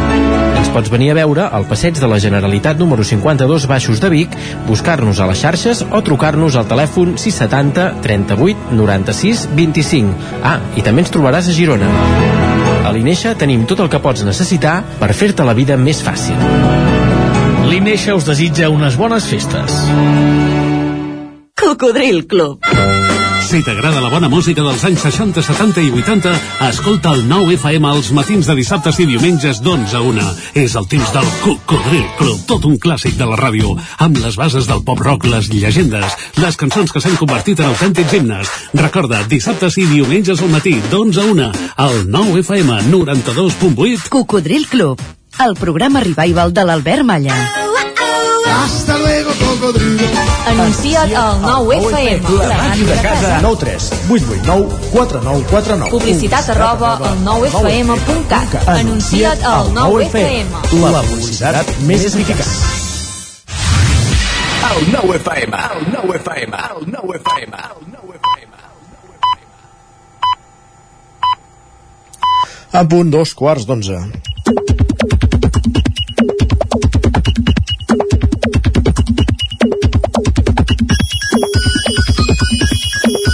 A dos quarts d'onze a l'hora Sánchez, en Guillem Sánchez assegut a l'estudi amb les pilades més destacades que ha trobat a que Elon Musk aquestes darreres hores, bon dia Guillem Què tal? Com estem, Isaac? Bé, i tu? De fet, em sembla que feia una setmana que no parlàvem, des del dilluns de la setmana passada, que, perquè el dimecres que ens, no... que ens vas dir que si no venies era que feies pont i, i, Doncs no, no va ser això. No va ser això? No va ser això, van ser altres uh, circumstàncies que van evitar que dimecres estigués aquí a l'estudi, però, però bé, hi tornem a ser. Molt bé, tornem a ser. ja ens va portar el justificant la Natàlia no? Correcte. Va. Va, ara que ja, ja no tenim gent als carrers de Vic un cop passat el mercat medieval, crec que haurem de repassar alguna de les piulades i de comentaris gent ens sí que n'hi ha, n'hi ha menys mica menys molta menys, molta menys. doncs va, repassem alguns dels comentaris que ens ha deixat aquesta cita aquí a la capital d'Osona. Llegim... hi ha persones també Correcte, correcte. Llegim a l'Àlex, que ens diu He anat al Mercat Medieval de Vic i ben bé sembla una cosa feta expressament per permetre que els barcelonins ens posem les bufandes i els guants que guardem tot l'any a l'armari. Sí, l'única justificació és aquesta, que es muntin això perquè la gent de Barcelona pugui venir a posar-se guants, gorros i com bufandes. es diu? El, com es diu? Àlex. Àlex, acabes de descobrir la sopa d'all pots, pots anar a l'oficina de patents enhorabona i registrar la marca. Exacte. De fet, en aquest sentit, en Rubén li respon, diu, sí, sí, tot està fet perquè els barcelonins us entretingueu, us entretingueu una estona. Jo he, he de dir per això que vaig sentir també molt anglès, eh, aquests dies, Ah, sí? per als carrers de, de Vic, i em va sorprendre... Això són ciutadans del món que van de fashions eh? Sí, ara, ara en diuen així, ara en diu així. Va, el següent tuit m'ha fet molta gràcia, ho he d'admetre, ens escriuen llàstima de les bambes dels firaires perquè si no el mercat medieval de Vic semblaria de veritat. Què vols dir, que no anaven amb Salomons els, els medievals? Jo també trobo una mica escandalós a vegades el típic firaire que evidentment deu fer moltes hores que està a la seva parada o està fent l'activitat que ha de fer i s'agafa els seus 5 minuts per fer el cigarro, que deu ser un cigarro me medieval també. I els, i els mòbils La imatge, medievals. la imatge queda una mica, no sé, discutible, però bé, hi ha temps per, per tot. De respostes amb aquest comentari també n'hi ha moltes. No voldria estar a la pell d'un firaire, passar quatre dies aquí eh, eh, al carrer, bueno, en fi, és igual, va. Doncs correcte, de respostes en aquest comentari, en aquest uh, tuit també n'hi ha moltes, per exemple la de l'Edgar que ens diu les típiques gofres amb dulce de leche del segle XII, una, Home, una altra que diu varetes màgiques de la baixa edat mitjana, dues, o també escuts de fusta amb l'escut del Barça. per favor. Típiques coses medievals que evidentment Els medievals no ja sabien que el 1899 es crearia el club que portes al cor. T'imagines que fot veritat això, Isaac? Alguna bruixa, algun bruixot que... Mare de Déu. Però vinga, ara que, encara que no ho sembli, la, hi ha vida més enllà del mercat medieval de Vic i encara que per gent com l'Èlia sigui complicat començar el dia. Ens diu, res és divertit a aquestes hores i amb aquest fred. Ens ho escrivia a les 8 del matí. I de fet ella mateixa ens feia una segona aportació dient, bueno, ara que són les 8 del matí i ho penso millor, potser no feia falta tornar a la rutina. Potser. Hosti, aquesta setmana ha canviat... Dura, eh? ha canviat moltes coses a la gent, eh? aquests dos festius intersetmanals. Correcte. Uh, Ara, ara en venen dues de senceres, eh? Quin cansament, quin cansament. I l'Eloi s'ha trobat una mica fotut també aquest mateix matí. Ens diu, per un dia que vaig superbé de, temps i el meu rellotge estava 10 minuts endarrerit. Caram.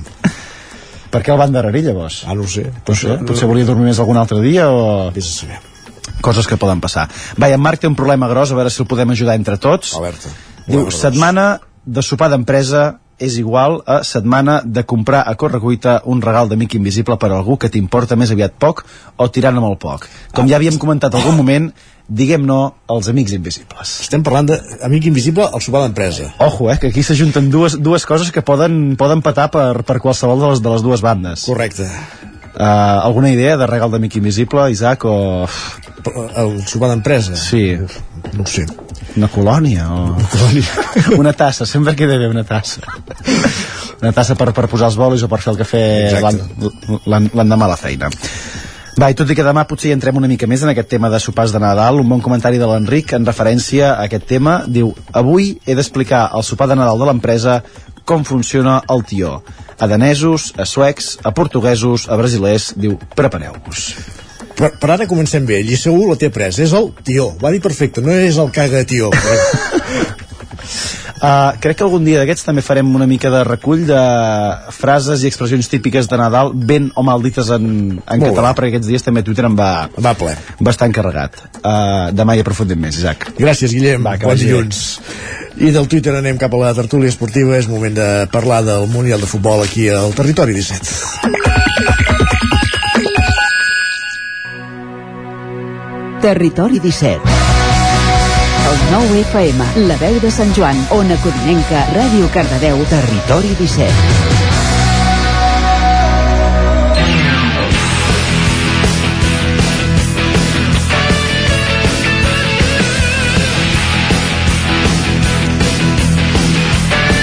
Doncs vinga, és moment de parlar de futbol al territori 17, moment de parlar del Mundial. Ara ja estan definides les dues semifinals que es disputen entre demà i dimecres per arribar diumenge a la gran final. Croàcia, Argentina, França, Marroc, Agustí de Danés, eh, Lluís de Planell, Isaac Muntades, benvinguts, bon dia a tots tres. Bon dia. Bon dia. Bon dia. Què, qui vol començar? De, uh, el Marroc s'ha carregat amb, amb dos partits, Espanya i Portugal. Això no entrava cap previsió? O... No, no, vaja, jo no, no sé... Ni les seves. Uh, uh, no, exacte, ni les seves, no? Jo penso que no, que no entrava en cap en cap previsió i és una mica Un punt, el... Vas dir, vas apostar per Argentina o per Anglaterra, Anglaterra, ah, sí, sí vaig caure, en Harry Kane em va, em va fallar el penal estava allà, eh, perquè el penal, el penal era el 2 a 2 no? Era pròrroga allò, eh? Sí, però vull dir que estava allà eh? i Anglaterra va, va, va dominar Anglaterra, no? Vull dir, va dominar va, bueno, va ser un partit no, no va ser un partit de, de, de dir és claríssim que ha guanyat França claríssimament, no? Al final va resoldre aquell cop de cap d'en Giroud, no? I no, bueno, I no va ser tan avorrit com el Marroc-Portugal. No, va ser... Bueno, Marroc-Portugal sí jugaven a, a una altra cosa, no? El fet que... Jo penso... Està bé el, el, el que passa al final que va confirmant una mica la tesi també que hem anat exposant d'aquesta igualtat que, que hi ha, no? I que Uh, hi ha un gruix important d'equips que a un partit gairebé tothom pot guanyar tothom per, per l'aspecte físic per, clar, cadascú juga les seves cartes jo, el Marroc mm, a mi em sorprèn, penso poder és més equip del, del que ens pensem, tot i que no, no, no tingui cap equip en el sentit de, de, de bloc granític esforçat, solidari, no? Perquè per la resta no, no hi han jugadors que diguis és que hi ha aquest que els hi solucionarà el partit. Això no hi és, no? El porter. Ja, bueno, sí, o, no, ja tenen i l'han rebat i ja, ja, ja, ja, ja, al final aquests jugadors també juguen a Europa i, i juguen però no, no, no és un equip que, que tu diguis, hòstia, hi ha, n'hi ha tres que, que els fitxaries pel, pel teu equip, no?, i que, i que podrien jugar, però, però això amb aquestes competicions a, a vegades passa, jo pensava l'altre dia, a mi em recorda do, do, dues Eurocopes. Un, una que la de Portugal devia ser el 2004 potser que va guanyar Grècia. Va guanyar Grècia. I, i, i Grècia ni havia fet res abans ni ha fet res després. Però va enganxar eh, jugant igual, a l'1-0 van guanyar la final contra Portugal a l'1-0 amb en Nicopolidis de, de, de, de porter i, i bueno, amb un, amb un bloc que si em dius digues quatre jugadors, no els sé no en sé cap de, dels que jugaven i abans havia passat ah. també una vegada si us recordeu amb, també una Eurocopa amb Car Dinamarca Caragonis, Caristeas amb Dinamarca, que Dinamarca es va, es va classificar encara abans, en els anys 90 no? es va classificar a, a l'últim moment amb una mena de repesca anar a l'Eurocopa pam, i Dinamarca va guanyar l'Eurocopa no? bueno, i ara Marroc no guanyarà el Mundial això ho tenim, això ho tenim clar, no? No? No guanyarà el Mundial, però té molt mèrit eh, el que ha aconseguit doncs, derrotant amb, amb, aquests, amb, amb aquestes dues seleccions ibèriques no? més, més, la... més potents clarament el futbol, el futbol que fa eh, no és gens atractiu una línia de 4 eh, a davant i una de 6 a darrere i ja anireu venint que jo ja tindreu una contra i llavors aprofita una errada del porter de Portugal per, per marcar i si no, doncs mira, aviam els penals aviam què, què en surt. I jo és un tipus de futbol que no, no, no m'agrada, ho sento. Mentre Però, que el, el partit de, immediatament després, sí. el, el, el França-Anglaterra doncs és un partit amb, on, on els porters tenen molta feina. Sí. tu, Lluís, tens raó però, però tens raó. I jo estic d'acord amb tu. Però clar, és que és, és depèn on et, on et col·loquis. Tu et col·loques en la, en la posició de l'aficionat al futbol que vol veure un espectacle. Exacte. I, no, i no és aquesta la posició. La posició és eh, el, dic ara, eh, des de l'òptica del, del Mundial i el moment que estem, és el, el militant d'una selecció que observa una competició. És diferent.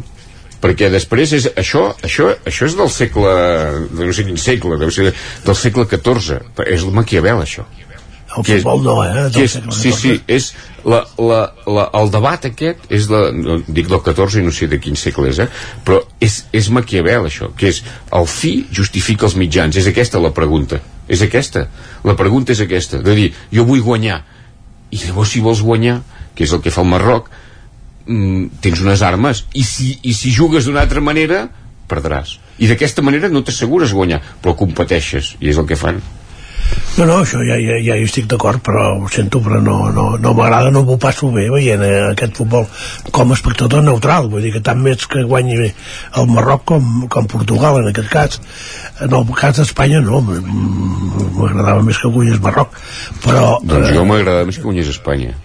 però no... a mi, a mi m'agradava més que guanyés Espanya també per, per, per una altra cosa, també al final que és el mateix per un tema de filosofia perquè m'agrada més Uh, ets del Barça, tu, No, perquè m'agrada més que, que el futbol sigui un joc d'associació, de passar-se la pilota i de, que, no, que no pas eh, que, o sigui, que sigui un joc no pas només un joc d'errors Marroc juga, és un joc d'errors no? de dir, hosti eh, anem, anem a fer els, mini, els mínims si fem els mínims errors no? i Espanya arrisca més bueno, i, i arrisca més però hauria hagut de tenir el, el, el, alguna altra via per no anar-se passant només la pilota vull dir, quan fa 90 minuts que fas això igual no passa res per, per, per posar un davanter centre allà o el central de davanter centre com feia l'Aleixanco i, i, i penjar pilotes a l'olla encara que no sigui ortodox no? Jo, clar, és que el partit d'Espanya de, de l'altre dia, evidentment, qui va mereixer passar va ser Espanya. Això no en tinc cap dubte perquè encara que el partit no li sortís gens bé i, i pràcticament no xutés a porteria sí que va intentar proposar alguna cosa més. És cert que clar, quan durant 120 minuts et passes la pilota en horitzontal no tens cap mena de profunditat pràcticament no centres fins al final del partit que va donar entrada em sembla que va entrar Nico Williams als últims bueno, sí, ha d'entrar a la segona part i en Sofari també va entrar a la pròrroga i, i, i fas alguna centrada perquè, per penjar-la Morata que, que sí, que és un bon jugador de cap però potser, ostres, Holanda va posar un jugador que no coneixia ningú del Besiktas a rematar i, i gràcies a això va aconseguir empatar eh, el partit contra Argentina. Vull dir, no hi ha la sensació d'una falta de, de pla B amb Espanya era evident. Era un déjà vu del Mundial de Rússia. Quatre anys després s'han tornat a caure en els mateixos errors perquè el model aquest està caducadíssim perquè no hi ha els jugadors per fer el model quan el 2010 quan tenies Xavi, Iniesta Busquets en plenitud Xavi Alonso mm, aquests quatre jugadors tenies un davanter davant com David Villa que et feia els gols i una defensa granítica amb, amb Sergio Ramos, Puyol, Piqué i Joan Capdevila. Allò era una defensa, i un porter que et salvava les pilotes i que et generava seguretat, doncs clar, amb allò podies guanyar. Amb l'equip que hi ha ara no pots guanyar perquè hi ha jugadors que estan per jugar patxangues ara mateix com és el cas de, de Ferran Torres per exemple per posar-ne un el propi Busquets posar Carvajal també que és del Madrid mira, mira no, no, que és del Madrid per, per dir-ne dos del Barça per, per, per dir-ne dos vull dir, no? per dir-ne dos però també, també et dic Carvajal i, i també et dic bé. que Pedri i Gavi segurament van, van ser bo i, i a mi m'agradaria anar amb bons a Gavis que el partit fos els Gavis mira, ahir estava mirant un no, vídeo no. d'un partit de classificació de, d'Espanya al Mundial de l'Argentina 78 que van jugar a, a Belgrat contra Iugoslàvia que era un partit que van, que van anar-hi a, a, a totes. Vaig mirar un resum així que fe, feia gràcia d'això que et surten recomanats. I, i allà era futbol, que hi anaven a totes que no tenien por. És que no, és que no, no hi havia sang en el partit. però si això és passat Isaac. Bueno, però jo m'agradaria una mica d'esperit aquest. Pues si l'esperit aquest. De, si això, això ja, no, això ja bueno, ho ha viscut. Tu que, que domines, saps la història de la selecció espanyola, el que, el, que, el que reclames tu ja ha passat això és el d'en Camacho i és, i, és, i és la fúria això no, no Camacho ja jugava en aquella això no, això no ha funcionat mai No funciona. Com que no funciona? Mai. I tant que funciona. Mai. Espanya ha guanyat Eurocopes i ha, i ha, i ha guanyat un Mundial jugant a una altra cosa, jugant a futbol. I anant-hi, anant-hi, No, home, no. Pressionant, eh, no arrugant-se, i en aquell partit és que ningú volia altra agafar la responsabilitat. Això és, un, això és un altre joc. Bueno, la, la, Bueno. la, primera Eurocopa, la dels anys 60, No no, us- a, a Madrid, això... Doncs- Bueno, aquella, història, no, eh? no me'n recordo, el gol aquell de Sí. Marcelino, no? Sí, oh, però aquesta no me'n En- aquesta no me'n recordo cas. jo. No, no, no. Sí, Aquest, però- aquest estil no, no funciona. Sí, però és que no... no, jugadors. sí, no, però però- aquella no compta, Lluís. Però no- no jugaven gaire res. Franco, el porter qui era? Era Diaxino, el porter de, de, De Rússia sí. Sí, Clar, el millor això- porter de la història, segurament. Sí, sí. el millor porter de la història no, no, no ho sabem perquè ni tu l'has vist ni jo tampoc. Vull dir, Bueno, però jo he vist vídeos. He vist vídeos. Era un No, porter. ben- ben- primer, ben primer en Zamora i després en Jacint, sí. Com a perico. va jugar al eh? Madrid, Zamora. Sí, però, però bàsicament era, era perico Zamora. Sí. En Diaxin, ai, en Diaxin, en, en, en Zamora, eh, el pròxim dia, si, si m'hi feu pensar, miraré de documentar-ho, crec que va jugar un, un partit amb el Manlleu. Amb, no contra, amb. Rodeu. Sí, sí, sí, un, un amistós, eh? Periodisme d'investigació. Però eren... De documentació més aviat. Sí, fa, faria falta documentació, això hauria de documentar-ho, però em sona aquesta anècdota que que hi havia un partit i que els altres eren més bons, llavors el, el van deixar, saps què vull dir? O sigui, Ah. Però contra, contra el Barça o contra l'Espanyol era? si un partit devia ser contra un equip sí, superior, llavors el porter dels altres, que eren Zamora, jugava amb el Manlleu. Ah, però això, això sí que, que, que record, no, no, no aquest cas, eh? però que, que feia. quan, quan feies un amistós el porter, diguem, de El- l'equip bo passava en el- Ah, l'equip més dolent, flotet, sí, sí. llavors era, era, era habitual, o sigui que no, no, no seria En estrany. cas ens hem desviat del tema però, Sí. però és que no es Sí. pot comparar això en, en època d'en Yashin ni de... però jo la, la tesi era que, que el, el futbol també ha evolucionat i, i el que diu l'Isaac em sembla una, una regressió en el temps vull dir, ara No, perquè no tens els jugadors, Agustí. No pots jugar al mateix futbol si no tens els jugadors que tenies. Pots, pots intentar fer alguna, alguna cosa semblant. Però, ostres, almenys sant, que quan anaven a tirar els penals, per exemple, és que no... el- Els hi veies la, les cares, veies la cara del porter de Marroc, del Bueno, estava rient tot el rato, que, que xundejant-se de, dels altres pensant, dient, és que els pararé tots, i els que els altres hi anaven, especialistes, tots ells en xutar penals, els dos primers, no havien fallat un penal pràcticament en la seva vida, i el van fallar, Sí, perquè els- és que no hi, perquè no hi ha galons, no hi ha No, responsabilitat no per culpa de l'entrenador aquest No que hem veritat, tingut. això. No, al contrari, al sí. contrari, al contrari. No, Al sí, contrari, al sí. contrari. No. Aquest entrenador ha desafiat molt i penso que va més enllà del... Sí, del... ha desafiat tant, coita, Sí, però vuitens això té, quan, quan, quan jugues fort té això. Hi va una reflexió que em va interessar, que vaig pensar que era encertada, que, que no és meva, eh? que, que deien i que en Luis Enrique havia com invertit els rols, no? I que quan va ser entrenador del Barça va actuar com a seleccionador, és a dir, no va voler xafar res, va administrar la plantilla que tenia, va posar les estrelles al lloc on tocava, i va posar Messi, va posar Neymar, va, va administrar, per tant va fer de seleccionador, i que la selecció, en canvi, en comptes de fer de seleccionador, ha fet d'entrenador de club. Ho ha revolucionat, ha apostat pels joves, ha volgut eh, canviar, no? I segurament, és veritat, aquests, aquests dos rols eh, per la idiosincràsia del que és un club i el recorregut que té un entrenador d'un club i el que és una selecció pel número de partits que es juguen en un any pel, pel, pel, per com són despaiades les competicions en, en el temps mm, ha actuat de manera diferent. En el Barça va actuar com a seleccionador i el seleccionador, la selecció ha actuat com a entrenador de club però jo penso que està bé al final que algú ti- tingui una proposta i que, i que tingui una idea i que vagi a totes amb això llavors el que passa, clar, quan jugues tan fort eh, et pot sortir malament. El que passa que és discutible si que, que quedis eliminat amb una tanda de penals, amb el que arriben els penals si això és un fracàs Sort, molt sort, gran. que, sort que n'havien tirat mil, que havia dit que els havia Bueno, dit que n'havien sí, tirat mil però- abans però d'arribar, això- perquè, però perquè això si passa, n'arriben a tirar... però, però això passa, tu, en Harry Kane et sembla un bon llençador de penals, no extraordinari. Vull dir, el primer penal que, el penal que va tirar i que va marcar Sí, però quan tires dos penals en un és- partit és tan per, seguits, És per gravar-lo i posar i dir Oita, un penal s'ha de tirar així és així, és imparable i tira el segon i no és que li marxés dos dits és que li va marxar dos metres i, i, all- i, all- i, allò, i allò li queda una taca per, per sempre perquè poder aquest d'aquí quatre anys ja no arriba no? llavors No, però- això dels penals Però escolta, tornant a Luis Enrique, en, agafa quatre centrals. N'hi ha un que no, no juga. L'Eric no juga. I s'inventen Rodri de, de central. Això no és una improvisació perquè una es lesiona o no sé què.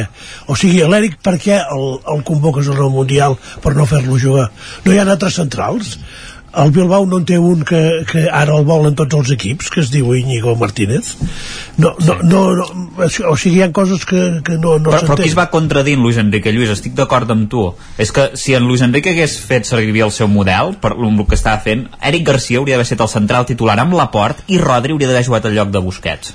Exacte. Per, si, per, perquè jo crec que Busquets ja no estava per, per, bueno, ja no estava per res, ja no havia d'haver anat ni convocat al Mundial aquest, i, i deien que el volia pel següent, no, pel següent no, si us plau, si us plau no, pel següent ja ha d'estar retirat ja a casa seva. No I, I això és el que hauria d'haver fet. Sí, el que passa que també la parella Rodri i Laport va funcionar molt bé. Si defensivament Espanya, tret de 5 minuts bojos amb Japó, jo crec que va estar bastant bé a l'equip el que passa és que ofensivament tret del primer partit doncs la resta molt previsible molt previsible Ui, s'ha fer molta autocrítica tots, eh? tots, tots portem un profeta dins no?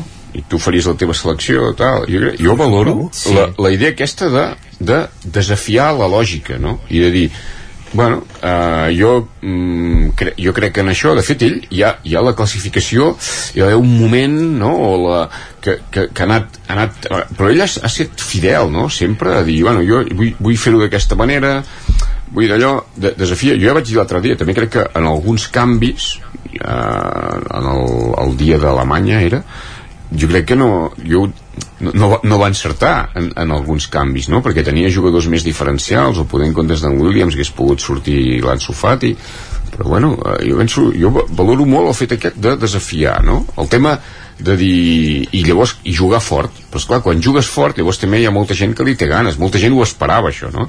Penso que el, el problema, però, el problema és el dia després, també. És a dir, tot aquest discurs en contra de Luis Enrique, que, que és un fracàs, cola, cola molt bé el, el dia del Marroc. Però després aquest discurs, perquè era el Marroc, però llavors decau el dia de Portugal no? Perquè... No. Sí, sí, No. sí, sí, sí, decau el dia de Portugal, perquè allò que era de dir ja ha perdut contra el Marroc, llavors això, aqu aquest, aquesta tesi decau el dia de Portugal, perquè llavors resulta que, que Portugal també. també perd contra el Marroc. I, i per tant això... No, és que això, no va això, perdre, eh, amb el Marroc. Això, això hi juga Espanya a no favor, perdre de, a favor de, de, de, de Luis Enrique, no?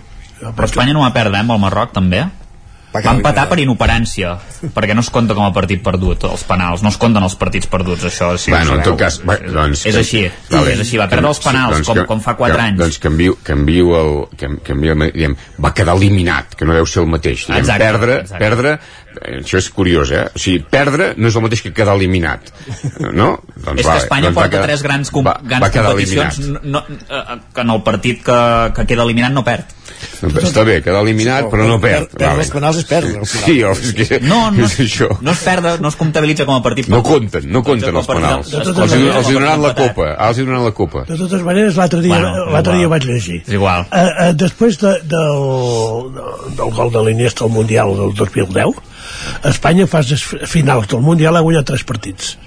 Sí, Tres. sí, sí. Un contra la poderosíssima Austràlia, que va guanyar 3 a 0. Amb Iran, a Iran, 1 a 0. I llavors sí, el 7 que li va fer Costa Rica. Tres partits en les fases finals del Mundial. Vull dir que... Tampoc n'ha jugat gaires més, eh? És el que volia dir. És el que... Ah, Sí, ah, ah, ah, sí, com que juga cada 4 anys, tampoc. El que passa és que n'ha empatat molts, n'ha empatat Però, molts. esclar, però si no n'ha guanyat més, no pot ser Clar, clar. favorit de res. No, i després hi ha això que diu l'Isaac, al final, clar, les eliminatòries, amb, amb això té raó, vull dir que el que passa, clar, s'ha de, s'han de dilucidar d'alguna manera, però, però pot ser, com és el cas, que tu no, no, no perdis en el sentit que s'acaba el temps reglamentari i ja has empatat. Bueno, llavors s'ha de, s'ha de dilucidar de- d'alguna manera, però clar, al final que- quedes eliminat, no? I a l'altra banda del quadre, eh, Argentina-Croàcia és la, la semifinal. Argentina que va, eh, que va també els penals d'aquest partit amb els Països Baixos que guanyava 2 a 0 déu nhi un partit també estrany Aquests culers no, no li vau ensenyar guanyant amb Messi? Sí, sí, exacte. Déu-n'hi-do, eh?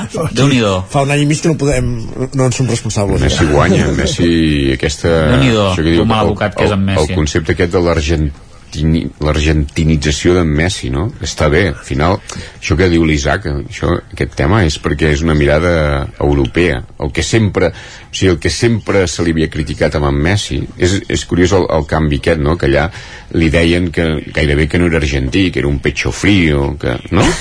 I, i, i ara, no, no, no, i, i, i ara, no, no, no, és que no, no, és que no és això. De Modric ha de prendre. I, i ara, i ara és el, és el més argentí de tots. Ara. Ara és el més argentí de tots. I és normal. Sí, és normal. sí, és malament, eh? És normal que, que, que, que, que faci això. És normal. I és lògic perquè eh, això funciona d'aquesta manera el que passa que la, la, per això ara des, des del des del, des d'Europa no? això ho explica molt ben Ramon Besa quan hi ha la mirada aquesta europea ara sorprèn perquè diu, bueno, en, en Messi no, no era així, però és que Messi és argentí i ara és argentí ara és argentí. I, i és lògic, i ara, i ara eh, tots aquells que li deien això no? ara no, ara, ara, ara, és, ara és un déu que no ho era, i té aquest punt aquest punt maradonià ara també, no?